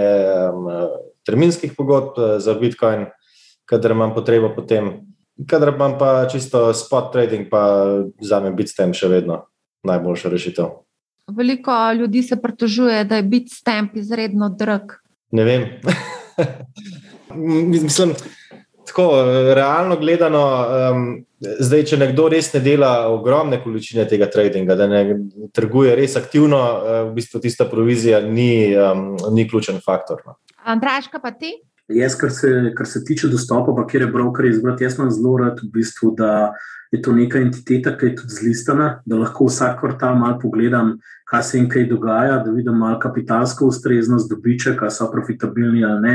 Mal me moti pri teh unicorn type eh, zgodbah, ker pa so zelo odvisne od fundinga, ki ga dobivajo. Tako da je super lahko za ston kosilo, ampak vsem 15-20 let naprej, ne, nihče od nas ne ve, kje jo ne obrokali, ne v banke, kaj se je z njimi zgodilo. In pač jaz sem v svoji karieri bil priča, ker nam je v bistvu derivatives broker šel praktično čez noč v, v, v default. Imeli smo tam neke opcije, ki smo se hoteli hedžati, na srečo ni bilo veliko tega, ampak to je bil dejansko nekdo, ki ima še investment grade rating in je čez 2-3 tedne v bistvu se izkazal, da pač tega nima več. Potem so v bistvu začele hčerinske družbe, tudi v UK je bilo to, tudi konkretno MF Global, v bistvu tako je šel v receivership um, in v bistvu mi nismo mogli dostopati do vrednostnih papirjev enostavno. Pač nismo vedeli, kaj se je zgodilo, imaš derivative odprte, thank you. Uh, pač pa pa pokličejo razni distress debt investorji, če ti kaj prodal. Tako približno to zgleda. Tako da jaz zelo rad v bistvu gledam, da je lean struktura, da se res fokusira samo na trading, ima dosti kapitala, pa s tem dela profit. Mal meni osebno, tako rekel, če so derivativi v igri, rad vidim, da imajo malo več kapitala. Tako da v bistvu jaz osebno, uh, uh, pač mi to všeč, pač ne, nekomu mogoče samo stroški pomembni, pa mu to ne bo toliko. Tako da Interactive Broker smo še največ, v bistvu, uh, zdaj CapTrader je tudi rešitev, kjer je v bistvu Introducing Broker, Interactive Broker, sa sam osebno imam še na računu odprt, per First Trade v ZDA, to je še študentskih časov, že 20 let, zdaj je prišel do tega, da je Zero Commission in en boljših execution brokerjev, tudi Balance, ki doskrat omenja, ampak ne boste mogli tam odpeti računa. Recimo v Evropi za pogled, mogoče tudi Flatex, pa Dežiro, ki sta se zdaj združila, je tudi zlistana entiteta, zelo veliko poročajo, lahko vidite dejansko, da je to profitabilna entiteta, ponuja tako cash equity, kot derivative. Te CFD zgodbe, pa meni niso najbližji, iskreno povedano, ne, zdaj, to, zdaj, ali e-toro ali, ali pa nekdo drug, no, ki v bistvu uh, te hitro zva po to noter. Uh, jaz, če rabim leverage, uporabim malo margin account ali pa s, uh, pač cash derivativom kaj naredim. Razumem pa, da gre to zdaj na mikroraven in je treba strukturirati in sestaviti to robo na nek način ne, in, jo, in jo pač s tem se pač služi. Tako da bodite malo previdni. Za začetek je seveda lahko tudi to rešitev, ker so pač nizki fi in morate na to paziti, ampak down the road, da imate imeti v glavi, da mogoče pol večje zneske preusmerite na nekaj, kar je bolj stabilno. Za, za neki granje, zato da dobite občutek, pa ne vem, lahko tudi zaradi mene to odprete, pa se malo igrate, pa v te hitro videli, no, v bistvu, kako stvari funkcionirajo. Se tudi jaz, ki sem začel, sem se igral s tem leverageom, me je zanimalo, kaj se je z marginom zgodilo. Lahko se pa tudi virtualno igrate, samo imate tudi v bistvu virtual trading accounte, pa v te hitro videli, kako hitro denar zgine, če se malo preveč hecaš, kako bi se temu rekel. Zdaj, ko govoriš o izgubah, je bilo tudi eno vprašanje, ali ste kdaj izgubili denar, koliko koliko in kako ste prišli na zeleno vejo. Sploh v kriptosvetu se mi zdi, da so nihanja zelo velika, ljudje pač stavijo na eno zgodbo, zelo hitro lahko tudi izgubijo. Podobno je bilo tudi v času Balkana, ko smo veliko investirali na Balkan.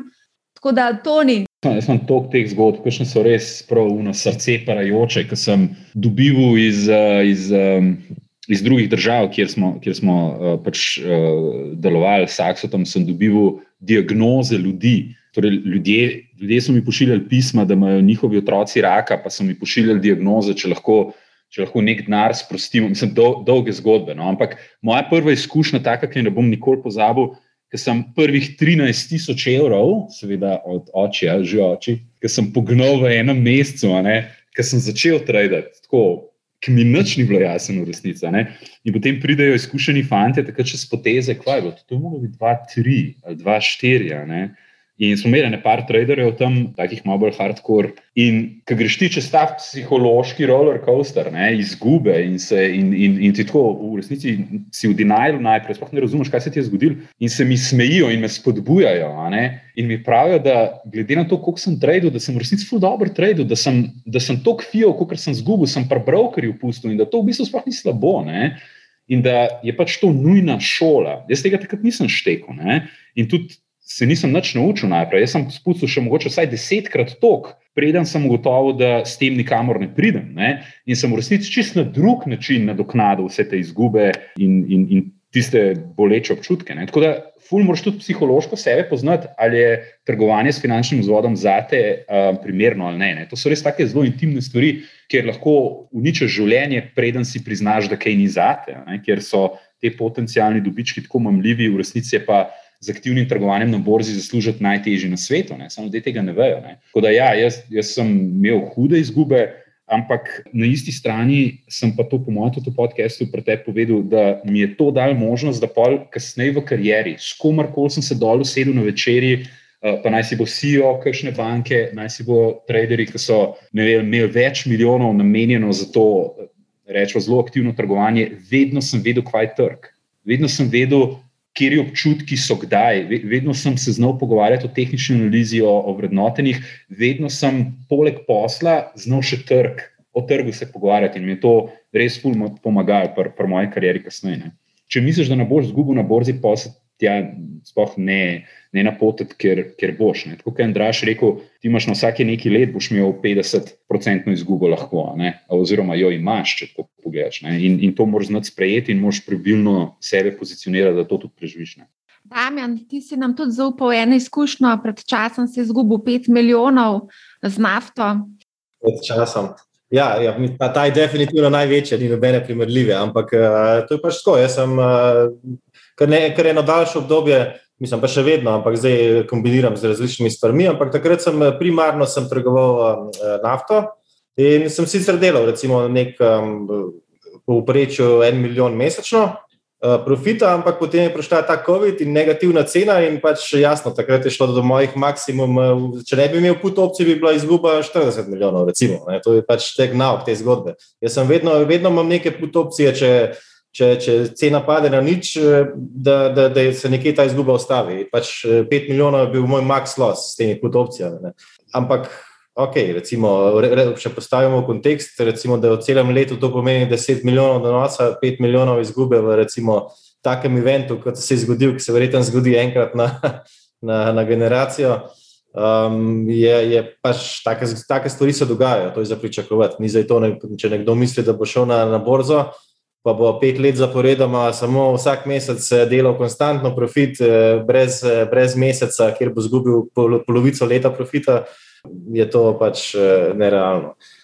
In to je nekaj normalnega. No, Ampak nikoli prej, se pravi, nisem trgoval s takimi zneski in zato sem imel že kakšne izgube prej. Recimo, en popularen trade, ki je, ki je na dolgi rok zelo dober, dober, ampak občasno eksplodira, je short fix. Ne. Short fix zaradi, um, zaradi uh, če samo rolaš um, futures, um, konstantno dobivaš. Vem, recimo v tistih časih, ko je bila volatilnost zelo nizka, je bilo to 10 odstotkov mesečno, ampak ko, ko trg pade, VIX poskoči in izgubiš 1000 odstotkov na vzgor, ker si short. Ej, Damien, kako si se na mojo 13 tisoč evrsko zgodbo lepo čisto razvrednotil s temi svojimi številkami? ja, ja, se, ja, se, se samo ena taka zgodba. To so zdaj tako, kot vikingi, ki se pa dobijo, ki zdaj hodijo več, pa kažejo to brzgotino, sem po Franciji dobo, uno pa tam na Saškem, pa ne vem kaj, več tako v tem smislu. Uh, tako da v bistvu ja, največ teh zgodb, um, rekel večjih losov, izhaja, ko je bil v igri nek finančni vzvod. Um, jaz se spomnim, da enkrat, sem, ko sem začel, pa sem se malo z delnicami začel igrati. Ne, In seveda, to je bilo še ravno na First Trade, ne? in pa smo najdel tam nek small cap, ki je v bistvu bil tik pred tem, da podpiše neko ne vem, kakšen tender že za ameriško vojsko, delovne oklepna vozila, Force Protection, živijo, če se kdo spomni tega, mogoče uh, še iz časov tam 2-4-2-5. In seveda so bile pa neke call opcije, ker pač sam delnica med ni bilo dovolj in seveda ta delnica je šla vse od vem, 10 dolarjev na 40, ampak pa se je izkazalo, da pač v zadju te firme so določeni problemi pri proizvodni, pri dobavi in to vrstne stvari. In v bistvu, da jim tako rečem, na eni točki sem v 100 tisoč dolarjev, ki so zrastali iz 5 tisoč. Se zarojal na vzgor ne, in pa sem se na trd način uh, naučil, da v bistvu je šlo to nazaj, približno na une dva ure, ki sem jih dal. No. Veliko vprašanje glede exita, se pravi, kdaj v bistvu izstopite, koliko časa držite delnice oziroma naložbe, kakšni so tisti znaki, na kaj ste pozorni, da je čas za izstop tako z delnic kot kriptovalut. Stoni, da ti najprej povej. Trailing stop loss. Mislim, če, če imaš možnost, recimo, če se zdaj, zdaj, zdaj se ne pogovarjamo o človeku, ki pač vzajemni sklad vloži 30-40 ur, pogovarjamo se o ljudeh, ki mogoče tudi z malo leverage, malo bolj aktivno trgujejo. Trading stop loss je en tak tvoj prijatelj. Večkrat se zgodi, da največje obžalovanja so tista tipa. Fak, imel sem tok in tok tega, prodal po dveh letih, če bi držal pet let, bi bilo to tok in tok. Spomnim se mojega brata, ki, je, ki mi je govoril, da je kupil Apple delnice, ker je bil pač totalen fan iPoda. Ne? Me prav zanima, če one delnice še drži. Mulj je bil mlajši od mene, full man izkušen, ker sem eno v Apple resnici sploh ni sanjal. Uh, še precej. Ne? In me prav zanima, kako bi bil zdaj vreden, če bi tiste delnice, ki jih je takrat, takrat kupil, če bi držal. Ne? Tako da hočem reči, če imaš ti neko, neko pozicijo, ki ti dobro dela, pa je v neki industriji, v katero vsaj približno verjameš, ne? Zdaj moramo spet paziti, da nam šlo predaleč. Ne? Če, če imaš ti nek, neke derivative ali pa če kakšne CFD ali pa podobne scene uporabljaš, um, v resnici to niso primerni inštrumenti, da jih držiš na dolgi rok, ker te bojo pač uh, obresti oziroma stroški financiranja te pokopljajo. Ne? Ampak recimo, da imaš tako situacijo, kjer bi dlje časa držal, lahko imaš trailing stop loss v sistemu. Torej, to je stop loss naročilo za prodajo, ki se premika z trgom. Če ti gre trg v pravo smer, se ti bo stop premaknil naprej. Ne? So tudi druge, drugi načini zaščite, kako lahko pač nekako zakleneš del tega dobička. Ne? Kdaj vrniti? Ja, kot je Andraš govoril, pač ti cikli imajo neke, neke pokazatelje, ne, nek, nek merilnik euforije in v bistvu staro dobro načelo, paniko kupuješ, euforijo prodajaš, še vedno velja. Ne? Je pa to psihološko dokaj težko. Kot je Andraš prej govoril, ti v bistvu se emocionalno navežeš na nek trade. Ti, ti verjameš, čeprav nekje v enem tradu zaslužiš, in potem verjameš, da lahko še dvakrat, še trikrat, še štirikrat več zaslužiš. In v bistvu si se sploh v današnjem času obkrožiš z ljudmi, ki isto razmišljajo. Dolž mora iti na dva. In si, in si v nekem bablu, kjer potencira to tvoje razmišljanje, in, in, in je v bistvu to psihološko zelo nevarna igra. Ne? To bi tudi eden od razlogov, zakaj sem pred nekaj mesecev zbobnil ene par fantov skup, eh, ki jim predvsej zaupam, pa vem, da recimo vsaj v kriptu ne razmišljajo tako kot jaz, ker sem se ujel v, v neko razmišljanje in hočem, da mi nekdo, ki ga spoštujem, reče: Stari, ti si čist profuknen, zaradi tega, ker to in to in to, morda niti ne bo prihodnost. Ne? In je fajn, da se obkrožimo z ljudmi, ki nam mogoče na industrijo, na naložbo ali pa na specifično razdelitev našega premoženja gledajo drugače. In ti da nek check, ker se lahko to kot ta babel ujameš, da sploh ne vidiš več pravno. Tako da spremlja te neke indikatorje euforije, pa panike in, in mogoče poskušati ostati čim bolj eh, trezne glave, kar pa ni lahko. Dame, nam boš ti tudi povedal, kako ti rečeš, jaz pa zdaj odhajam. Dve stvari sta. Eno je um, investiranje v delnico, ki jo kupiš in jo želiš držati na dolgi rok. Tam, eh, tam, jaz nimam, eh, tam jaz nimam nekega targeta, ki reče, da naredim 50% bom prodal. Tam je pač enostaven, se treba odločiti. Če enkrat podjetje ni več to, to zaradi česar si ga kupil, in mogoče da um, v prihodnosti eh, ne, se ne pričakuje več taka rast, kot bi jo pričakoval, potem, potem se te delnice znebiš in pač iščeš drugo priložnost. Oziroma, najlažji indikator je to, da narediš tisto, kar je najtežje. Če nečesa res nočeš prodati, je mogoče čas za prodajo. Takrat, ki se res zdi um, da raste, da, da bo še naprej rasla, takrat je ponovadi najboljši čas za prodajo. Medtem ko takrat, ko, je nekaj res težko kupiti, ker, ker, ker pada in bi rekel, tega, tega pa res ne smem kupiti, takrat je ponovadi najboljši za nakup. To so pač ta čustva na borzi, ki jih pač treba nekako uh, obvladati in v bistvu so najbolj pomembna. Zdaj, pri, pri opcijah, ki jih pa jaz trgujem, se pa nekako um, držim 50 odstotkov. Se pravi, jaz, če prodam put opcijo, to so večinoma 30 do 45 dni expiration date, v prihodnosti in nekako eh, že takoj, ko jo prodam, nastavim buy order za nakup 50 eh, odstotkov niže, ker mislim, da po nadaljnih 50 odstotkov um, gre prepočasi. Prvih 50 odstotkov eh, se najhitreje ujame na, na, na opcije, če predana. Uh, mogoče sam to bi omenila, da odkar si začel govoriti tako odkrito, da trguješ z opcijami, se je kar nekaj ljudi v bistvu odločil tudi spoznati ta svet. Uh, dobila sem kar veliko mailov, da pač želijo trgovati uh, z opcijami in kje, kje si se ti naučil, jih to blazno zanima. Jaz, kot vse stvari v svojem življenju, sem se jih učil sam, večinoma, uh, isto je opcija. Zdaj, um, danes imamo YouTube, imamo Google, imamo vse to in največ tega se, se res najde tam. Ampak moramo pač spremljati kanale, ki nam dajo um, informacije, ki niso, ne prodajajo nekih produktov. To pač vsak posameznik mora biti tako inteligenten, da to zna razlikovati. Drugač pa um, sam poskusiš s svojim denarjem, ne preveč. Eh, verjetno izgubiš vse, mogoče trikrat.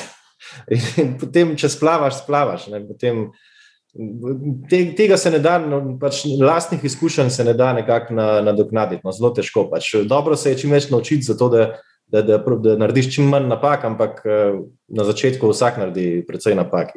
In ko enkrat vsak, recimo, pride v nek bull market in, in se tri leta počuti, kot da je genij da samo prodaja put opcije in konstantno samo služi, in potem enkrat market pade in izgubi 100% portfelja, vse, kar je naredil v prejšnjih treh letih. Zato, ker pač ni računal na to, ni računal, kakšen rizik sprejema. In... Ampak ti se nisi začel, mislim, na začetku si kupoval klasične delnice. Kasneje, ja, jaz sem naj, najprej sem v bistvu trgoval um, nekako prek potezinega tradeporta, kar je bil v bistvu Sakso. In uh, tam sem se jaz v bistvu učil, ja, pač tam sem ene parkrat spraznil račun, tako, ne vem, po tisoč evrov, recimo. Ampak pač ni bilo dobro, bilo je težko. Takrat, tisoč evrov je bilo, takrat je bilo vse, kar sem imel, tisoč evrov. Sem lahko prišparati novih tisoč, da sem lahko ponovno začel vrteti. Ampak uh, je bila pač to taka izkušnja, kjer se naučiš, recimo, kaj ne smeš početi, kaj je preveč, kaj, uh, kaj je realno za pričakovati, glede donosa, kaj ni realno in tako naprej. A gremo kar naprej. Inflacija je bila tudi kar nekaj vprašanj. Ljudje so zdaj nekako v strahu, kaj se bo zgodilo z inflacijo. Egon Zakrajšek iz Feda nam je v podkastu povedal, da bo kratkoročno prišlo do pač inflacije, ampak na dolgi rok pa ne vidi tega. Zakaj so potem takem ljudje prestrašeni? Andraš, mogoče bi tudi tukaj kaj povedal na to temo. Kaj je inflacija? Zdaj, toliko ljudi, ko boš vprašal, toliko odgovorov boš dobil. In v resnici eh, tukaj FED popolnoma drugače gleda na inflacijo, kot gledajo traderji na trgu in kot gledajo pač rekel, neki novi ljudje, ki vstopajo pač na trg in na inflacijo gledajo kot ne vem, na neko specifično stvar, ki se je podražila, pa gledajo inflacijo zadnji mesec. In zdaj, v bistvu, jaz sem se kar veliko tukaj poglabljal, kako Fed gleda na inflacijo in v osnovi mogoče dobro, da to razumem. Pa bom probo na brzino pojasniti. Eh, ameriška osrednja banka ima svoj lasten model, kako gleda na inflacijo na srednji rok, eh, lasten finančni ekonometrični model, ki ga pa dopolnjuje tudi z dejanskimi podatki, to pomeni zadnjih 12 mesecev ali pa mogoče tudi kaj več, kjer pa gleda samo neko jedro inflacije. Torej, to, da se je zdaj nek bakar skočil, da je nafta poskočila, da so pač neke druge surovine in materijali poskočili, to za njih nujno ne pomeni, da se je zver inflacije toliko uh, nahranila, da bo po domač povedan divjala naslednjih deset let. Seveda to ne pomeni, da na trgu ne bodo ljudje tradili tako imenovan reflacijski trade. To pomeni, da bodo iskali oblike naložb, ali so to delnice, ali so to vem, proizvajalci, ki se ukvarjajo z miningom bakra, ali pa so to naftne družbe, ali pa neke druge surovinske podjetja, ali pa so v bistvu to na trgu z fiksnimi donosi, pač uh, inflacijsko zavarovanje obveznice. Ta inflacijski trend se praktično dogaja vse od dna, ki smo ga po koroni dobili. Ker takrat je bil spet. Spuk, deflacija prihaja, FED gre takoj se boriti z deflacijo, napumpal sistem denar, potem, ko se to postavi, dobimo cepiva, zdaj bo pa inflacija prišla, zdaj pa reflation trade. Ne? In del te zgodbe med growthom, med tehnološkimi delnicami, med to staro ekonomijo, če hočemo, ne? te, ki proizvajajo vse te dobrine, ki se še zmeraj uporabljajo, so zdaj in short supply, vse od kemikalij, materijalov, surovin. Seveda je zdaj rotacija nazaj prišla, zato ker so rekli, aha v tem okolju, ki se pa njihove cene, ne, predstavljate, da ste pek, za pa moko še zmeraj imate, zdaj pa kar kruh dvakrat dražji, kako je to sur, super dobro za tebe. Torej, vsi te zdaj doživljajo windfall profite, tisti, ki so pri izvoru. In ta reflation trade je zelo poudarjen, veliko se o njemu govori in seveda inflacija bo. Višja naslednjih 12 mesecev, ker to je izogibno. To se bo odražalo v statističnih podatkih. Ampak kaj pravi FED? Reče, no, ok, v redu, zdaj 12 mesecev bo mogoče malo više, ampak sej, kaj v bistvu želi FED doseči? FED želi, da spravi pričakovanja participantov, to pomeni udeležencev na trgu, da bo inflacija dolgoročna ne 2 odstotka. Ne, da bo nič med nič in ena, tako kot je bilo to mogoče inflacijsko pričakovanje. Zato, da bomo pa mi vsi se prilagodili, da bomo verjeli, da bo lahko više inflacija, mora pa dejanska inflacija kratkoročna iti bistveno više. Zato, ker bomo dvigali svoje inflacijske pričakovanja. Zdaj pa zakaj bi ena centralna banka to rabila? Ja, zelo enostavno, ker imajo mandat med rastjo gospodarstva in med stabilnostjo cen. In stabilnost cen tudi pomeni, da cene ne smejo iti navzdol, ne smejo padati. Deflacija je slaba, načeloma za gospodarstvo, zaradi tega, ker vem, v bistvu krči trge, bom tako rekel, in sploh v zadolženem gospodarstvu, kakršno je danes, povečuje breme dolga. In kaj bo zdaj FED naredila? Po mojem mnenju bo pustila, da to teče toliko časa, dokler se rdeče lučke ne bodo prižigale uh, na njenemu modelu, kar se tiče inflacije. Tukaj, po mojem mnenju, kar se dogaja, dokler ne bo FED dala jasen signal, zdaj pa nas neki to muči. Ampak to ne tako, eno od unih desetih modrecev bo neki rekel, štihalno me je v križu in spustil ene dva stavka tam v, v Bloombergovem intervjuju, ampak bi jasno to neko tveganje začelo nastajati, bo po mojem ta reflacijski trend še trajal. Je pa res, trgi računajo vse, 6-12 mesecev naprej. Tako da, da zdaj mi ugotovimo, ali bomo zaslužili še z naftnim delnicam, pa surovinskim podjetjem, pa temi inflacijskimi tredi. Moramo se vprašati, kaj bo pa zdaj s to inflacijo čez 12 do 24 mesecev. To moramo v bistvu uh, ugotoviti. Ker dejstvo je, da to, kar se zdaj dogaja, smo že zamudili. To, to je trg noči vračunal in kaj bi mogli biti šest mesecev nazaj in kupovati v bistvu vse te delnice, ki so danes za nazaj super zgledajo. To pa, to je pa ta zmer zahtevna mentalna vaja, ki polk vi berete v mediju, no inflacija prihaja, ja super, novinar je to zdaj eh, pogrunto, kaj je videl šest ali pa do dvanajst mesecev, ko se je nekaj začelo dogajati, pa so te delnice zrasle. Ampak vprašanje je v resnici, kaj gre naprej. Jaz osebno mislim, da gre lahko še više dolgoročne obrestne mere, glede na to, da uh, spremljamo recimo tako imenovane inflacijske zamenjave. To se računa, kakšna obrestna mera je uračunana v obveznice s fiksnim donosom, pa s tistim variabilnim, inflation swap se temu reče na pet let in pač to se počasi, počasi dviguje. In če se bo tista stvar dvigovala, recimo naslednjih 12 mesecev, bo pač trg se predstavil na eno višjo raven dolgoročnih obrestnih mer, pa na eno višjo raven inflacijskih pričakovanj. Zdaj, če se pa to dogaja naprej, so se pa vedno lahko določeni delniški, delniški trgi ranljivi, zaradi tega, ker pač neka osnovna donos, ki ga z nižjim tveganjem ti ustvariš, če z višjim tveganjem dobiš manj pribitka, je treba repricati trge. Zdaj, koliko se morajo repricati?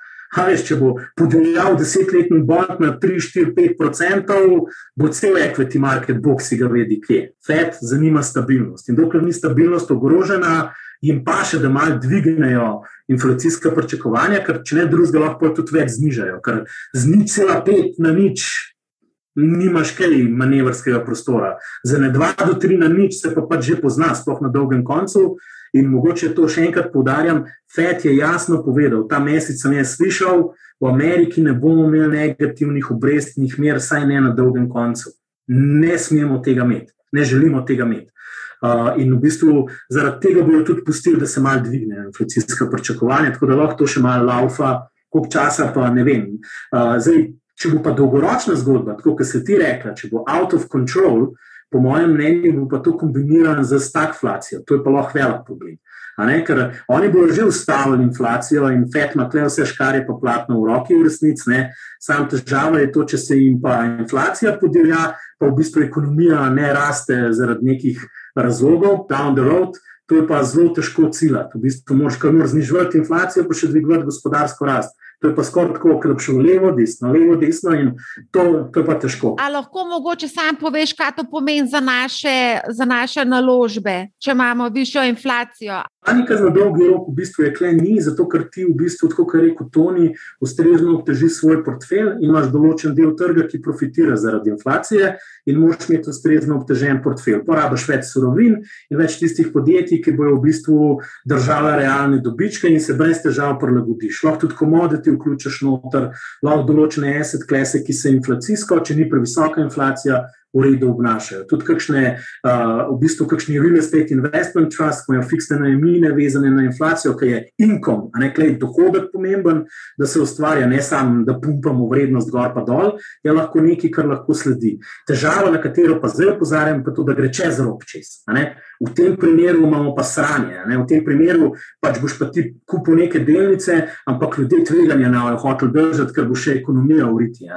V tem primeru boš pa mogel biti na kratkem koncu krivulje in se rolati naprej na teh višjih obrestnih merah, ker božjo ljudje riskali. Jaz tega zaenkrat ne vidim, to je za me nizko, verjeten scenarij. Bolj mislim, da pač bo zdaj inflacija malo višja, da se bo zaslužiti 12-24 mesecev na tem reflation tradu, potem bomo pa v resnici videli, kje je gospodarstvo po tem, uh, ko bi rekel, bungee jumpingu, če hočeš, neke vrste ali pa EKG-u po koroni. No, tako, Zdaj, na dolgi rok pa pač te riziki inflacije obstajajo, tako da uh, malo se treba, ne bi pa take panike zganil, pa nekaj kar kupoval na slepo ene stvari, samo zato, ker pač je jasno, da bo inflacija. Prav zapisal sem si to, če sem malo stagflacija, torej kombinacija uh, inflacije in nizke gospodarske rastine.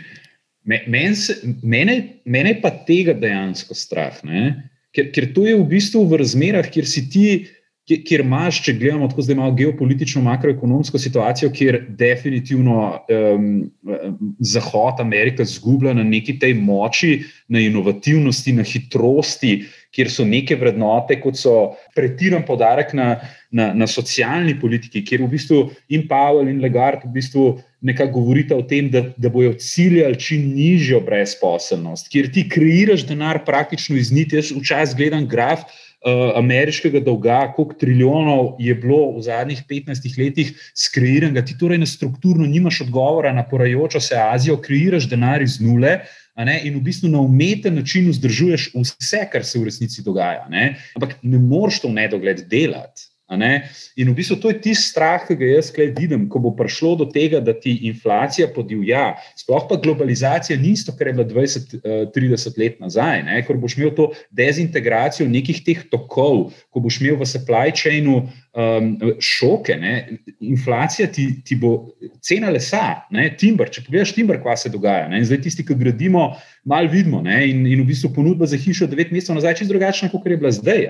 Torej, ko vse to daš skup. In v bistvu ti skoč, ti podivja ta inflacija. Inflacija pa je fenomen pričakovanj in je, in je dosti psihološke narave. Ne? In v bistvu, ko, ko tega ne moreš krotiti, moraš zvišati obrestne mere, in to definitivno, glede na to, koliko je zlevrežirano celotno gospodarstvo, spet ima nov cikl na, na delniške trge, na podjetja. Mi smo, ful me ta del straši, ne? kot nek začetek dolgoročnega cikla tega, tega bear marketa po potem, ko smo rajdali zadnjih 15 let, kreiranje denarja iz nule in, in visoka vrednotenja, ker je pač to bilo na voljo za, za pokurt. Ne. Tako da nek self-fulfilling prophecy v tistih 15-20 let nazaj, se mi zdi, da, da mogoče lahko pridemo do konca tega. Ne. In ta stagflacija, ki zdaj se tega bojim kot hudič križa, ker, ker eh, Azija pač prihaja, Amerika nima odgovora. Hotel sem reči, ful z nekimi drugačnimi vprašanji se ukvarjamo na Zahodu. Ne? Uh, rasna vprašanja, enakost, ne vem, rata smo socialisti uh, neverjetnih razsežnosti ne? in se mi zdi, da nas bo Azija klep povozila. Odgovor na to je pa po moje dolgoročno neustrezen. In mogoče, in to je zadnji stavek, tudi tukaj za mene privlačnost uh, ne vem, nekega digitalnega sredstva, ki je močno omejen, ne? ki ima nekaj vnaprej programirano. Eh, stopno eh, pač inflacije do nekega trenutka, ko inflacija pač ni več možna, ne, vidim pobeg pač denarja še naprej v neko tako eh, digitalno sredstvo. Torej, zdaj sem malo povezal še z Bitcoinom, ampak mogoče, Andraš, čisto na hitro stagflacija, pa to, kar sem omenil, ti ima smisel ali ne? Uh, mislim, sigurno ima smisel, da mora FED uh, doseči neke vrste soft transition. In zdaj, kako se obnašajo? Predstavljaj si, Oni držijo psa dobesedno na vseh koncih in ga imajo na povodcu. To je njihovo prepričanje. In uh, ko govorimo o kreditnem trgu, ceni denarja, in v bistvu vse, kaj pa je bil argument, zakaj vse čas delniški trg raste, ja, ker FED printa in drži v bistvu in kupuje malo manj držine ETF in vse druge stvari. Zdaj bom pa tako rekel, kaj pa če neha, ki pa so poravni. Tako da Ta scenarij ima neko utež, da jim rečemo, mogoče 10 do 20 odstotkov, ker moje izkušnje so tudi to, da vsakeč, ko so se česa lotili reševati, so bili prepozni in je bilo too little, too late in je pol trajalo tri leta sranja, da so spet ujeli ravnotežje. Tako da je, je to možen, ne izključujem tega, trgi so pa še bolj ranljivi, ker so pač malo više prajsanja. Ampak ni pa to basic scenarij danes, če se pa hoče zavrvati, kup insurance, ker je full pocen. Jaz sem se mal igral, kupil sem malo dumo opcij en let pa pol dolge strukture, out of the money, to te pride, 2-3%, da mi je prišlo cele pozicije SP-a, še kaj en teden nazaj sem mal tega kupil bolj za hec, ker sem videl, da testiram ene svoje ekstra, ekstremne teze in bom lažje spal, če se je to zgodilo, da sem saj nekaj naredil, tako res idiosinkratičen, totalno kontra vsemu. No, v bistvu. Damjan, a imaš še ti kakšno mnenje o inflaciji? Ja, jaz mislim, da ste že veliko povedali. Jaz bi samo uh, sam na kratko bi dodal, no, nihče ni omenil tega, da v bistvu zdaj uh, v Ameriki se bo potrebna tudi rast plač, zaradi tega, ker ljudje prejemajo te socialne transferje še iz naslova COVID dodatkov. In eh, podjetja morajo višati tudi na postavke, če želijo sploh dobiti delavce. In to, je, to, to ima tudi, um, uh, mislim, da lahko pomemben uh, efekt na, na, na potencijalno inflacijo. Uh, Toni, eno vprašanje za te. Bitcoin društvo te sprašuje, če sam sebe smatraš za Bitcoin maksimalista. Um, sploh nisem tega vprašanja pričakoval, nikoli nisem o tem razmišljal, ne? ampak jaz bi tako odgovoril. Ne? V tem trenutku, pa, again, nisem strokovnjak za kripto, ne smatram se, ne? ga spremljam, ga poskušam razumeti, ga uporabljam, se izobražujem in veliko o tem razmišljam. Ampak ne bi se za strokovnjaka poimenoval, ampak v ulogi hranilca vrednosti prihodnosti. Ne? V tem trenutku v bistvu sem ne vidim v tem trenutku nekoga, ki bi v tem delu funkcije denarja, ker, ker denar ima pač neke svoje lastnosti, pa ima svoje funkcije. Ne? V funkciji hranilca vrednosti v tem trenutku pač še vedno verjamem v Bitcoin. Ne verjamem, da je nekje na sredini ali pa na začetku, recimo v prvih 30-40 odstotkih te S-krivulje. In zaradi tega volatilnost definitivno bo prisotna, ampak jaz gledam na Bitcoin čisto lišče tega hranilca, digitalnega hranilca vrednosti. In če ti pogledaš, kaj je z tega vidika funkcija denarna addressable market za Bitcoin, moraš upoštevati celotno vrednost ali pa veliko večino nepremičninskega sektorja. Ne? Ker ogromno ljudi, ko razmišlja, kje bom jaz svojo vrednost ohranil, je v nepremičnini, v zemlji. Potem moraš dodati veliko večino ali pa skoraj vse, kar je obvezniškega trga potem dodaš 70, 60, 80 odstotkov delniškega trga, zbirateljstvo. In v bistvu, ko ti daš to skupaj, priješ nekje do med 500 in 700 milijard. Trenutna vrednost Bitcoina je vem, 850 milijard, ker je padel od nekaj 53 tisoč dolarjev eh, za Bitcoin, je pač njegova tržna kapitalizacija nekje en trilijon, ne torej tisoč milijard. Torej, 500 krat več naslavlja. In če bo samo en odstotek od tega, kar je hranilec vrednosti v ostalih inštrumentih naslovil, je to petkratnik njegove vrednosti danes. Jaz mislim pa, da je lahko to tudi znatno več.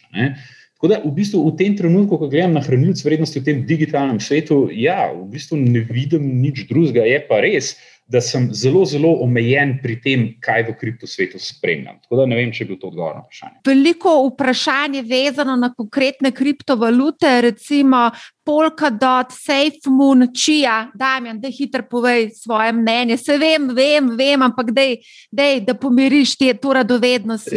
Nimam mnenja, ne vem, več šitko je nekaj.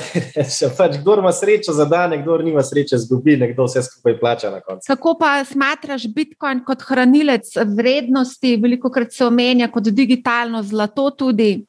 Ja, je, ampak je, je, je še zelo, ekstremno volatilen. Pač nekateri mislijo, oziroma nekateri teorizirajo, da Bitcoin raste zaradi teh inflacijskih pričakovanj, ampak Bitcoin raste zato, ker Bitcoin raste, zato ker, ker se vedno več ljudi um, gnete v ta že zelo. Um, zelo natrpan trend. In, uh, in pač, ko, ko, ko ljudi zmanjka, se rast ustavi. Veliko je tudi vprašanj vezano, kateri so pomembni indikatorji pri analizi trga.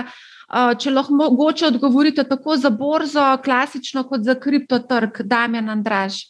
Jaz nekih tehničnih indikatorjev skoraj da ne uporabljam, ker se mi zdi, da je to bolj nek voodoo magic, izumljen bolj iz strani nekih exchangeov, brokerjev, zato da spodbujajo trgovanje.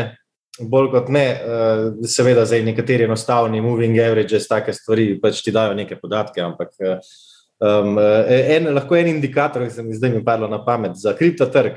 Indikator cene um, vstopa in izstopa v, v stablecoine z gotovino. Recimo, trenutno cene v Dubaju so 3% provizije, če hočeš iz gotovine v kripto, in nič odstotkov provizije, če želiš iz kripta v gotovino. Jaz sem prepričan, da se ta procent obrne, kadar je, kadar je kripto v zatonu.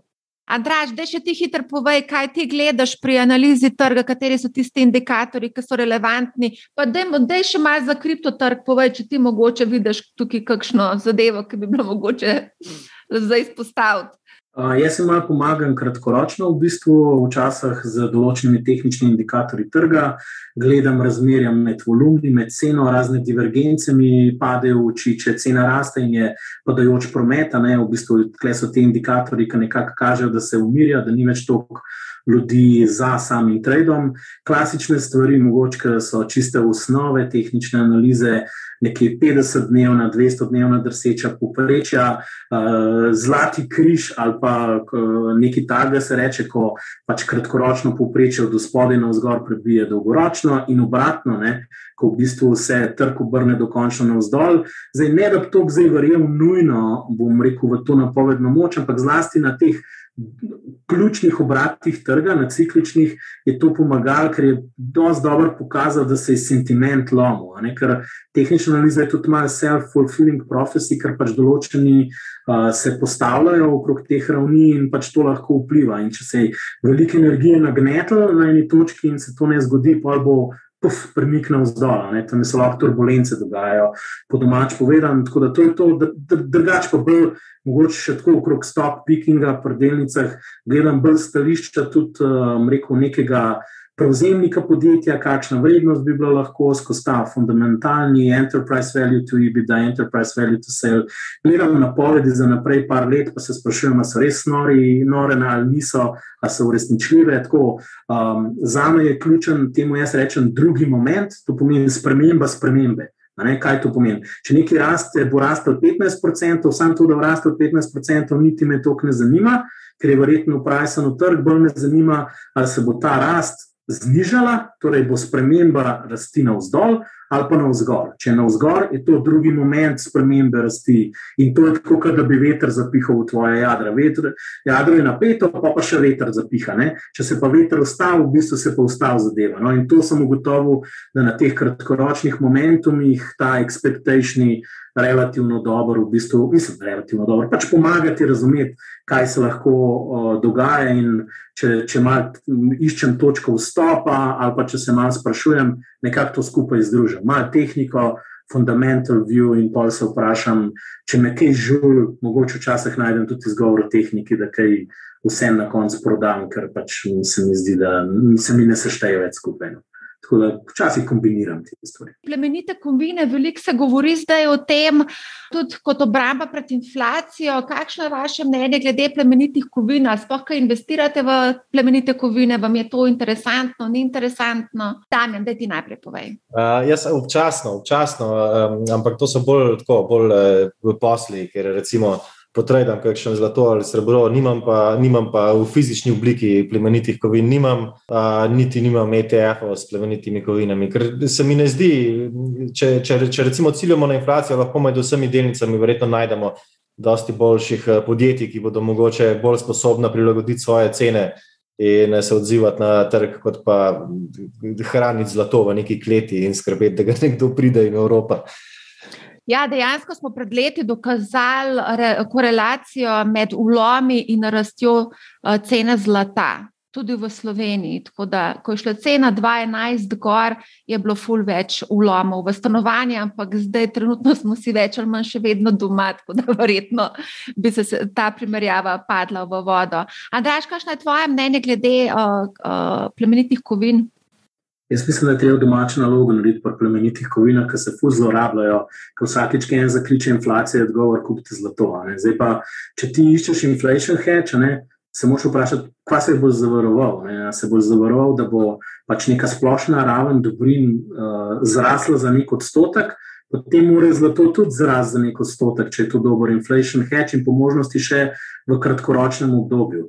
Težava tega trga finančnega je, da vse vračunava vnaprej in preden ti pogruntaš, da se želi zavarovati pred inflacijo, se je trg to že vsem računal in kupaš v bistvu spremijo zlato in se zgodi ravno kontra. Ne? To pomeni, inflacija raste zlato, pa ne gre več naprej ali pa je flat. In je, in je težko zadeti to enačbo. Tako da to je ena stvar, tako da mogoče na nek. Dolgi rok, v bolj konzervativnem portfelju bi to mogoče celo videl, no? uh, v nekem odstotku, ne? kjer se želi zavarovati pred temi tveganji. Um, dobro, ne, ne govorim zdaj, da nekaj trajdaš na zlatu, pa še neko zlato uporabljaš, pa to, ne, pač to je pol trgovanje, klej mora vsak sam vedeti, kaj dela. Bi pa eno stvar mogoče res upozoril. No? Um, mislim, da je bilo kar nekaj vprašanj, pri kom kupiti zlato, pa kako to narediti.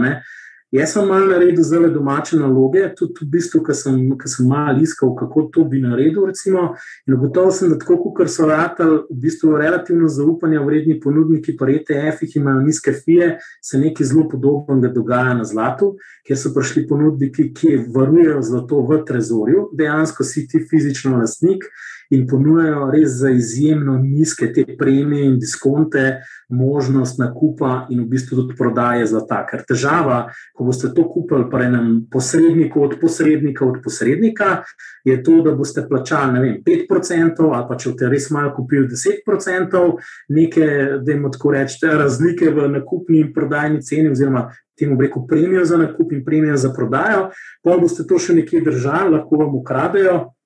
In v bistvu uh, jaz se sprašujem, v bistvu, kakšen je smisel tega. Tako da mogoče tudi uh, ta fizičnost na to se da tudi držati v oblaku, dejansko v zadju so ustrezna združenja, v katerih so lastniki tudi prodajalci, uh, dejansko imajo zlate rudnike in večja ta podjetja. Um, recimo, ne vem, mogoče če kdo si hoče malo to, recimo, pogledajte si ponudnika Bullion World ki je dejansko nek trezor v oblaku. In predvsem se meni zdelo zanimivo, ker v bistvu so res zelo nizki stroški v primerjavi s tem, kar sem bil jaz vajen. Uh, naredil sem tudi ček pri dveh ponudnikih v Sloveniji za konkretno zlatnik Južnoafriški, ta rantne, in razlika je bila pri ceni, ne vem, klep ni bil 1650 evrov, pa 1500 nekaj, torej res ogromne cifre so, so tukaj razlike v, v osnovi. Uh, nekateri lokalni tudi vrčevalne produkte, kot vrčevanje v zraku, v, v, ne v zraku, v zlatu ponujajo in v bistvu klej isto naredijo kot ta ponudnik, sam ta ponudnik je direktno pri viru. In se mi zdi, da je to mogoče zanimiv koncept, ker pri zlatu tudi konkretno ni obdavčitve, če fizično zlato držite. Ni pa to zdaj reklama za zlato, da je pomota, ampak rad bi res poudaril, da naredite tudi tukaj domačo nalogo, če želite investirati v zlato, da vse opcije res preverite in tudi to, kar se globalno dogaja. Če ste sposobni digitalnega brokerja izbrati ne, preko digitalne avenije, da ste verjetno tudi sposobni zakupiti mesto v trezorju preko digitalne avenije. Zdaj, tako se tudi delnice doma v papirju ne držite. Ne? Ne, za mogoče nekatere druge, pa plačali 15% več, da to lahko počnejo in, in gledajo zlato doma. Vem, pač to je pa potem druga opcija. Da, na to bi samo upozoril, se mi zdi zanimivo, da se tudi tukaj ena disrupcija dogaja in te stroški posredovanja padajo, podobno kot pri brokerjih, pa je te. Eno vprašanje je zanimivo. Ali pričakujete gospodarsko krizo, glede na trenutno pomankanje surovin in blaga, oziroma višanje cen surovin in blaga? Govorili smo pred časom še o recesiji, Andraš, mogoče na hitro, pa gremo pol še na druga vprašanja. Zdaj, vse napovedi so zdaj karožice, 5-6% rasti imamo naslednje dve leti napovedane, oziroma letos in naslednje let, tako v Evropi kot tudi druge. Išče pa v resnici ne ve, kaj točno prihaja za tem. Pač zasebna poraba se bo zdaj sprostila, bo dvignila gospodarstvo, zato inflacija tudi tako zgleda, kot zgleda. Zdaj, kaj bo pa za tem valom v bistvu sproščanja, ne, spro, končno lahko rečemo, ne, sproščanja tudi življenja ljudi, trošenja, bomo pa mogli videti. In uh, tukaj bojo vsi imeli oči odprte in v resnici nihče čisto ne ve tega. Tako da iskreno povedano, pojma nimam, jaz bom vzel uh, quarter to quarter, pa nekako to spremljal in se probal prilagajati temu. Je pa res, da moram iskreno priznati, da mogoče nasprotno z mnogimi drugimi, sem malo bolj defenziven zdaj in moje ljubezensko razmerje z denarjem se prečem povečuje, kot se rešuje po vseh teh problemih inflacije, ker če bo res prišlo kaj hudega za te, ali ta bležarina, ali če si relevantno, iskreno povedano. Tako da malo hočem imeti smodnika na lagarju, če kaj pride, pa, pa malo volatilnost pride na trkanje. Um, me niti ne boli, če tudi ne ustvarjam zelo donosov, toliko velik, ker sem jih res v zadnjih 24 mesecih take, da se sam za glavo držim. Tako da ne želim biti požrešen. Vzameš tok, da je popolnoma dovolj, pa reko, rečeš, uh, ni, ni treba, da grem do konca. Tudi tiste opcije so me naučile, da ni treba zmeriti do konca, ker do konca je res konec, da se malo poklica. Delnica Nijo to ne sprašuje, to boš pa ti, Damien, vedel povedati, ker ti si fan električnih avtomobilov in obvladaš. Jaz moram priznati, da je v delnici, delnici Nijo en moj kolega, kirurg, govoril že, mislim, da kakšno leto nazaj. Vem, da je kupoval po 2 do 3 dolarje, je bila takrat delnica Nijo, potem je to skočil na neke ne vem, nore višine in vem, da mi je s takim užitkom razlagal, kako je on velik denar zaslužil. Dajmen, kaj pa ti? Je le super, jaz nisem. jaz si nisem nikoli kupil, nikoli prodal. Tako da, da nisem. Ne vem, jaz načeloma načeloma se jaz eh, čim bolj izogibam eh, kitajskim delnicam. Oziroma, čim bolj izogibam, nikoli ne kupujem kitajskih delnic. Zato, ker ne vem, vseeno se mi zdi, da z investiranjem v ameriška podjetja obstaja neka kultura, neke, neke, neke korporativna kultura, neki reportingi, pač neke ustaljene smernice so. Medtem ko na kitajskem je bilo že toliko teh prevar, toliko je bilo nekih podjetij, ki so bila zlistana na borzi, pa so se na koncu iz, um, izkazala za čisto prevaro, da enostavno boljš jaz raje ostanem v Ameriki. Toni, mogoče tlele, ki ste že označili za Bitcoin maksimalista. Kaj menite o tem, da bo v prihodnosti ostala samo ena kriptovaluta, ostale naj bi propadle? To sprašuje Peter. Gen, jaz nisem strokovnjak za kripto, tako da vse vzamete s čepcem soli. Ampak kar sem pa ful občutljiv, ne, je, ko, je vpraš, ko dobivam vprašanja, pa to ne leti zdaj na Petra, ampak leti na mojega bratranca, na mojo teto, na mojega soseda, na ljudi, ki jih srečam pri frizerju oziroma pri brivcu. Um, ker enostavno se mi zdi, da ljudje v ta izraz kriptovalute mečejo vse. In to, to, to ti že kaže, takoj, ko dobiš tako vprašanje, vidiš, da ljudje v resnici ne spremljajo to, kaj se dogaja. Ne? Zdaj, um, je Bitcoin kriptovaluta, ne? zdaj pa kaj sploh beseda valuta pomeni? V bistvu kriptoasset, torej sredstva, neka digitalna sredstva, je bolj širok nadpomenka za različne digitalne pač pojavne oblike, ki bojo nadomeščale določene stvari, ki jih danes na drugačen način počnemo. In zdaj, če me kdo vpraša, ali bo res vse propadlo, ker mislim, da sprašujejo, je, ali bo večina teh nekih kriptoprojektov z lastnimi izdanimi žetoni zgolj kot načinom financiranja svojega projekta, ali bo propadla. Zdaj, odgovor tukaj je moj, iskreno mislim, da ja. Ker ti, ko izdaš svoj token oziroma neko kriptosredstvo, s katerim pridobiš sredstva vlagateljev za svoj projekt, je to čist isto, kot če bi izdal delnice in pač postavil nek svoj posel. Samo to narediš v digitalni obliki. In ko ti investiraš v nek tak žeton, je čisto isto, kot bi, da bi v nek startup investiral. Ponovadi ljudje sploh ne razumejo, kaj, v kaj točno investirajo. In, in v bistvu je, je tako, to vprašanje tako nenatančno. Ne? definitivno glavnina teh projektov bo, po mojem, propadla. Nekateri bojo obstali. Koliko je, ne vem, 16 poskusov Uberja propadlo, Uber pa Lyft sta ste pa obdržala, ne? pa pustimo zdaj še težave, pa vse to. Tako da, ker nekdo reče kriptovaluta, mi, a, tako, točno kaj govoriš, mi povej, pa ti bom povedal. Torej, če v tisti obliki, kjer si na ta način zbiral uh, denar, postavil nek svoj projekt, Lej, ne vem, lahko da ja, lahko da ne, ampak vedeti moraš, kdo je v zadnji, kakšen je poslovni model, ali zaupaš ekipi, te stvari moraš v resnici gledati. Ne? In v bistvu, ne vem, odgovor je tak, večina ja, boš imel pa stvari, ki bodo absolutno ostale in jih bomo delali v digitalnem svetu. Ne? Okay, super, najlepša hvala. Uh, uh, veliko vprašanj je bilo vezano na GameStop in pa tudi na AMC. In sicer Zala sprašuje, oziroma pravi, da opaža, da vse več njenih znancev investira precejšnje zneske, saj so prepričani, da bodo bodoči milijonarji. GameStop in AMC. Andraš, mogoče ti, ti si spremljal zgodbo z GameStopom. Pač res izjemna zgodba, ki so jo napisali tukaj kapitalski trgi, pa v bistvu marsikdo je dobil res velike lekcije. V bistvu sploh ne vem, kdo ni lekcije dobil v tej zgodbi. In tisti, ki so v bistvu bili del tega movementa in posrednik, v bistvu broker, ki ni skrbel za v bistvu pravočasne solventnost, clearing in drugi, ki so bili na drugi strani shortali liquid stocks. Ne.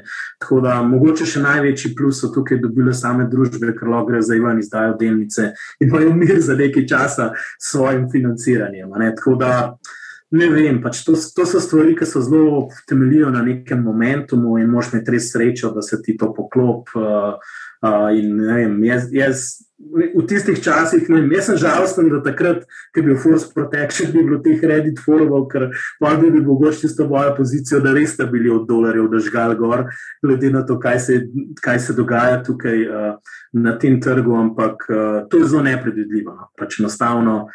Jaz mislim, da večina ljudi tukaj ne ve, čisto točno, kaj dela, ker zato moraš tudi biti sposoben malo uh, popraviti opcijo in vedeti, kaj se je zgodilo, kaj se dogaja ob zapadlostih, rollover in vse to. Ne vem, pač to je za me. Tudi če bi bil zdaj na, na, na nekomu na hrbtu, ne bi vedel, kaj narediti, ker pač mi to meni kot tuje, nekaj nažigati tam v nebo in upati, da bo šlo še više in nekaj navijati. In, ne vem, biti uh, umamljen od tega super občutka, kako si ti blazno sposoben, ker kreiraš milijone. Ne vem, ne vem sem, vse, kar sem se jaz v svoji karieri naučil, je bilo bolj kontra, bolj sem jih po prstih dobil, tako da očitno nisem tako dober, no, kaj ne rečem drugega. Pač. Tony, a tebi gre kaj boljš uh, pri Gamblanu? Nekajšnji mulci, ki je rekel, da je have fun staying poor. Ja, lej, pač to tako je, ne? Kaj, ne, kaj ne rečem. Ne, a, veš, a veš, kaj je meni bolj fascinantno? Koliko v bistvu koliko sem star. Ne, pa bom zdaj razložil, kaj hočem s tem povedati. Ne. Prvič, kar se nam je zgodilo, vsem na Saksotu, ne, ker tam srečaš ljudi, pismo, ki so res, ki res pridejo kariero tja delati, ne, ki razumejo finančne trge, ki hočejo biti v tem nekem kvazi investment bankingu. Ne, in tudi kar orang konkurenca, pametni ljudje, ampak velika večina, velika, velika večina, razen kako zanimivo, founderja, razen founderja, pa to je spet zgodba, ampak eden od lastnikov Saxo Bank je takoj dojel potencial kripto, kripto sveta. Ne? Ampak vsi ostali smo pa to zamudili. Neki pametnjakoviči na trgih, fanti po televizijah, cel ta trend, vse, kar se je dogajalo v nekem tem IT svetu. Računalničarjev, kriptografov, vse to je bilo zamujeno več let. In ko ti nekaj tazga zamudiš in se ti nekaj paralelno kreira, avtomatsko zauzameš nek odklonilen odnos do tega. In to je bila prva stvar, mi je bila totalno zanimiva, kako smo v bistvu vsi čez neke stare, klasične uh, oči gledali na to, kar se je dogajalo. Uh, recimo, zdaj Damjana imamo tukaj res uh, vrhunska zgodba,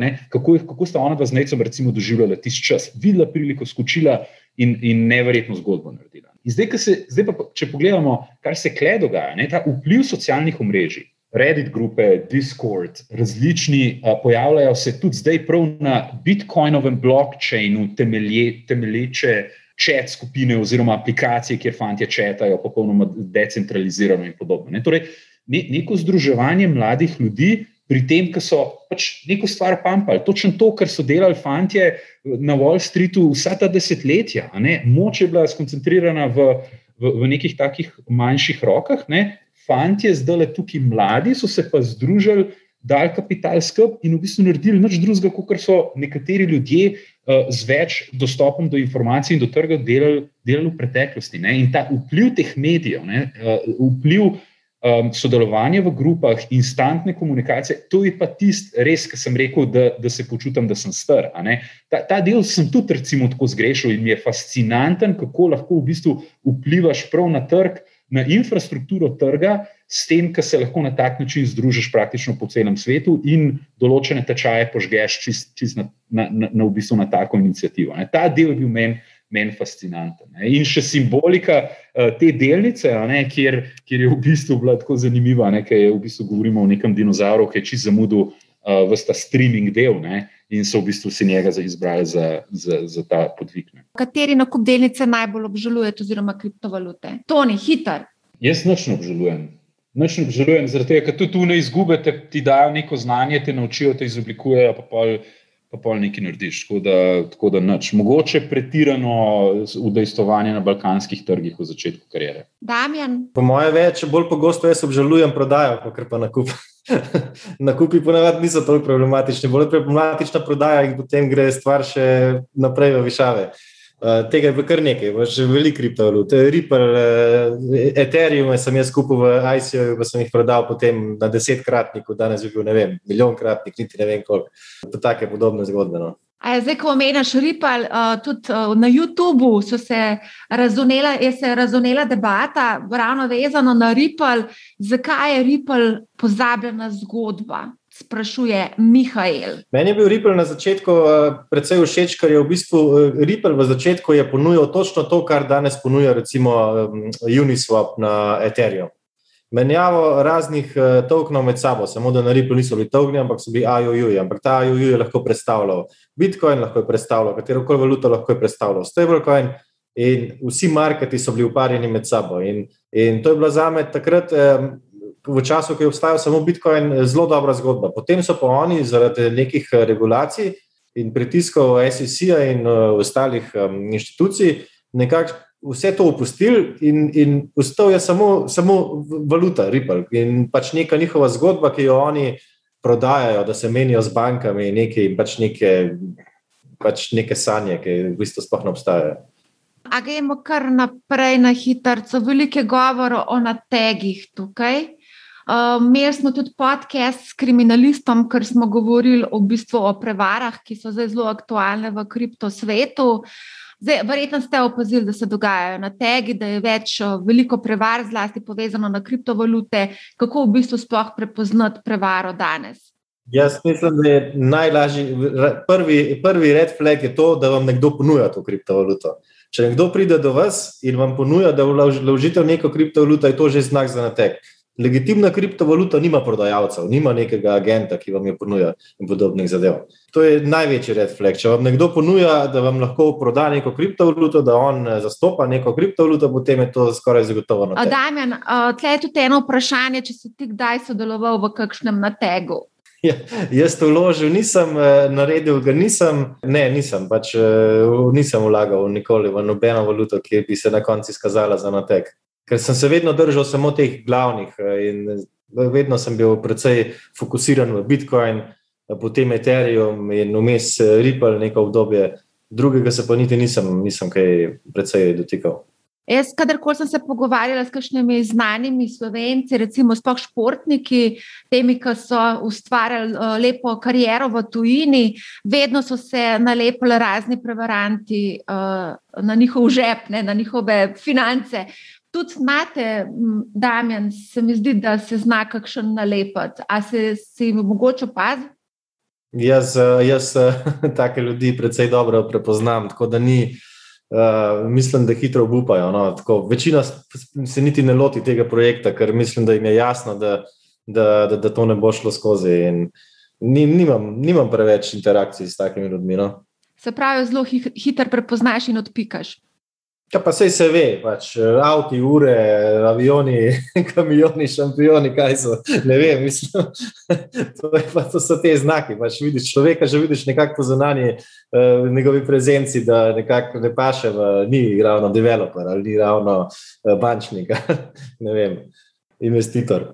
Andraš, da je ti povej, če iz tistih časov Balkana, takrat je tudi bilo ogromno prevarja. Se spomnim, takrat sem se sam še ukvarjala s financami, s Forexom, pa pol je bil FX, uh, Run, Pol je bil še Unajko, potem je bil še Luxuris, potem je bil še Zlati procent. Pol je bilo kar ogromen teh nekih prevar, ampak v osnovi principi ostajajo dosti identični, nič se prav ne, ni, ni neke kreativnosti, vedno je na isto foro nekako pristopijo. Ne? Ja, sej, mislim, največji, največja privlačnost tega, da si enostavno zmislijo stvari, ki so ne mogoče in prodajo ljudem, da so mogoče. Ne, ne vem, kaj ne rečem drugega. In pač, če, če narediš neko domačo nalogo in se ti zdi malo čudno vse skupaj, ja, ne, v bistvu pol se tega ne lota, ne, za kriptovalute je dan, če so vse povedal. To je pač tehnologija, ki samo po sebi ne zahteva nobenih posrednikov in ravno gre kontra posredniku, ga izloča, pač vse je uh, transparentno, tako bi mogli biti. Zdaj, če ste nekje drugje, kjer je nič ni transparentno in vse čudno, pa ste na čisto napačnem mestu, ti, ti prevaranti pa itek zmer delujejo na tak način. Pač tam je nek fake website, fake donosi uh, fake obljube, in v ekstremnem primeru tisti, ki hoče pre, prevarati, pač enostavno ni to produkt, ki se sam po sebi prodaja, ampak ga nekdo trži. Ponovadi so neki promotori, ponovadi so neke mreže, pa po možnosti še če še ne pet prijateljev zraven prevlečeš, ne pri investiranju še tike ekstra zraven dobil, tako da rad to zares gre zelo lahko v takem, rekel emocionalno odnose lahko to uniči tudi med prijatelji, znanci in vsake te stvari. Uh, so pa rado zelo nonšalantni, no, moram reči, ne, zlasti pri kriptu, to je bilo pa to idealno, zato ker je sama osnova pač imela tak momentum in se je vedelo, da pač se da zaslužiti s tem in to je kam muhe, ne vem, ok, na karkoli pač že imeti, ali pa kaj drugega, uh, da nam pač želijo, da pač kriptota pa teh projektov, ampak enostavno tam vidijo svoj piskrček in uh, to, kar teče. Da je to ni. Tukaj je eno zanimivo vprašanje. Uh, zanima, uh, jaka ta zanima, koliko ur na dan uh, delate. Ti si zdaj zamenjal kariero iz borze, si prevekslal na fitness. Da, kako je zdaj, kako izgleda tvoj delavnik? Moje življenje je tako bizaren. Nikoli si ne bi mislil, da bom v taki situaciji. Uh, je kvaj delo, ne? jaz spomnim, kaj je delo. Jaz, jaz, jaz se spomnim trenutka, ko sem se, v, mislim, da pa to Damenu ne bo nič tako nenavadnega, mogoče marsikomu pa bo, ker sem se z lastnikom banke in dvema mojima podrejenima v 40-milijonskem čist novem Falconu vozil na sestanke iz Cipra v Atene, iz Atene v Budimpešto, popolnoma nov jet. In potem se ujamem en mesec nazaj, kako v svojem džimu pucam pisoarje. In si razmišljam, stari v džetu si bil pisa, zakaj, zakaj zdaj klene. Da, kvaj del, ne? ker nek tvoj posel je to čist drugače. Um, mi dva žena zdaj pucava, džim kličeva vse, ki želijo k nam priti, se ukvarjava s trenerji, se ukvarjava z, z ljudmi, ki pa nas trenirajo. In sama pač trenirava, želiva imeti nek tak malo bolj mogoče main z tega kariernega vidika, stresno življenje. Pa pa postaviš gim tri mesece pred korono, pa si še v večji buli. Um, tako da moje življenje je tako. Gim, kar je s povezavi z gimom, uh, otroc, ker absolutno ne moramo imeti svojega posla in neke redne službe v tem trenutku, ko sta štiri pa šest. Um, potem pa je kup enega, ne vem, poslušanja podcastov, branja, zanimanja um, še vedno ta pač finančni svet uh, precej sledi. Tako da, ne vem, moj dan je vsak dan drugačen, včasih sem doma, večino časa sem v džimu um, in pač poskušam ostati nekako um, relevanten kot človek. Rečemo. To si zelo lepo povedal. Seveda poslušaš manj, kao predvidevam. Ja, veš, veš, da ti iskreno povem, da od zdaj, odkar sem, sem bil povabljen, ga poslušam. Ja. Wow, evo, super. Damen, zdaj tudi vem, da poslušaš manjha, vsaj tega s kriminalistom. Ja. Kaj ti počneš, sicer, ko ne ja, poslušaš? Ja, pa za, za dražen sem ga tudi. A tudi si poslušal. No, kaj pa ja. sicer počneš, ko ne poslušaš manjha? Zdaj, kar jaz bom, se bom malo ponavljal za Tonijem, kar je rekel, sem, s tem se zelo lahko poistovetim, ko je rekel, da um, vsak njegov dan zgleda drugače, tudi v bistvu pri meni zgleda drugače, ni nekega ustaljenega ritma. Ampak um, kar se mi zdi zelo pomembno, je to, da, da jaz ne ločim nekako, jaz nimam začrtane črte, je, kaj, je, kaj je delo in kaj je moj prosti čas. V bistvu, Jaz, zdaj, ko bom zaključil ta pogovor, bom verjetno odprl trgovalno platformo in bom pač malo raziskoval stvari, kaj se je dogajalo vmes in, in tako naprej. Ne vem, če me nekdo pokliče, gremo na pijačo, bom šel na pijačo, če ne, pač ne bom in bom mogoče gledal nek eh, podcast, mogoče bom eh, pač tako. Ne vem, ne vem kaj, kako bo potekal, recimo, današnji večer do konca. Um, Andraš, kaj pa ti počneš, oziroma koliko ur na dan ti delaš? Imam to srečo, da si lahko izbiram projekte, na katerih rad delam in seveda pol gre veliko truda v to noter.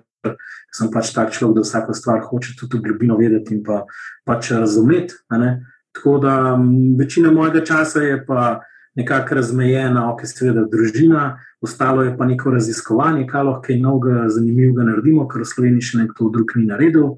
Večina tega dela je zdaj bolj povezana z nekim zasebnim kapitalom, z sodelovanjem z podjetniki, potem gradimo seveda naše podjetje, ne, ker je tudi zaposlenih kar nekaj, tako da v bistvu se tudi z njimi veliko ukvarjamo na projektih. Tako da dan kar tako le, grem jim, ne, pa je še malo manjhav, ker imajo znanje deljivo ne, in tudi v bistvu klenoter, um, rekel, z veseljem sodelujem in sem tudi navigator s tabo. Tako da pa pa ustane vsake tok časa, da malo še pogledam trge, pa se usedem za Bloomberg terminal, ki si ga lahko prvošmo, pa pa še tam v bistvu po noč, ki, grejo vsi spatne, še jaz to mal, ker sem bolj nočen tip, ne, včasih se zavleče predolgo, v resnici, no, če sem čisto iskren, in pač tudi tam pa malo razvijam različne svoje teze in se malo sam s sabo pogovarjam, kam bo šla kakšna delica gor dol, kaj si v čem mislim.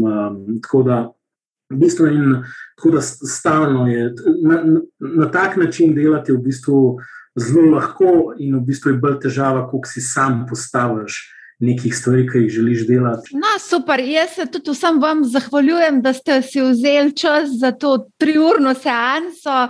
Kar nekaj ljudi je z nami ustrajalo praktično cel čas, tako da tudi vam najlepša hvala.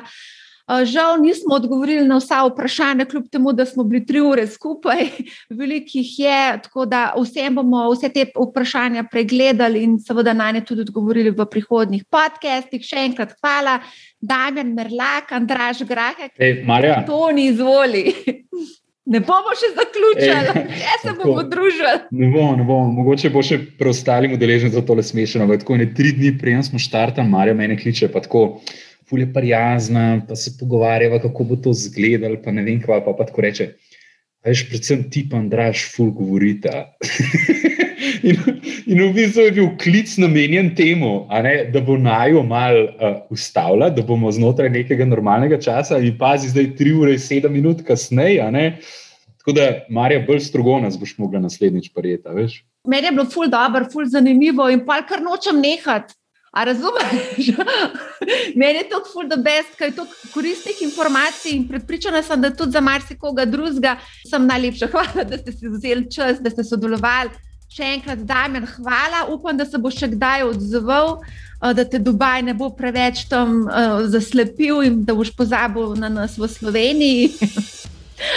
Andraš, hvala tebi in Toni, hvala tudi tebi, da si si vzel čas zdaj greš pa lahko pisuarje pucati. O moj bog, kakšen zaključek, ej. Pa, to je še slabša žena, zdaj, zdaj pa res čas, da zaključimo. Lepo se imejte, hvala, hvala obema. Uh, Ajde, čau, čau, adijo. Tako upam, da ste zdržali z nami tudi v podkastu MoneyHow. Webcast MoneyHow Live je potekal v torek 18. maja ob 17. uri, tudi live streamali smo preko YouTube, naslednje jutro pa smo se zbudili v globoki korekciji kriptotrga. V podkastu ste vseeno slišali veliko koristnih nasvetov, kako gledati na tveganje in ustrezno obtežiti naložbe v svojem portfelju da boste lahko mirno spali. Kot rečeno, celotni triurni posnetek webcasta smo objavili na YouTube kanalu Marja Milič, povezavo bom dodala tudi v opisu podcasta. Če še niste naročeni na e-pismo businessspace.com, se naročite na en, webcasti bodo namreč stalnica. Če imate kakršno koli vprašanje, mi pišite na marja.afna.businessspace.com ali preko katerega od družbenih omrežij. Naročite se na podcast MoneyHow, zelo vesela bom, če boste posredovali informacije o podkastu prijateljem, znancem, sorodnikom in vsem, za katere menite, da bi jim vsebina lahko koristila. Poslušajte MoneyHow, ne bo vam žal. Lep pozdrav!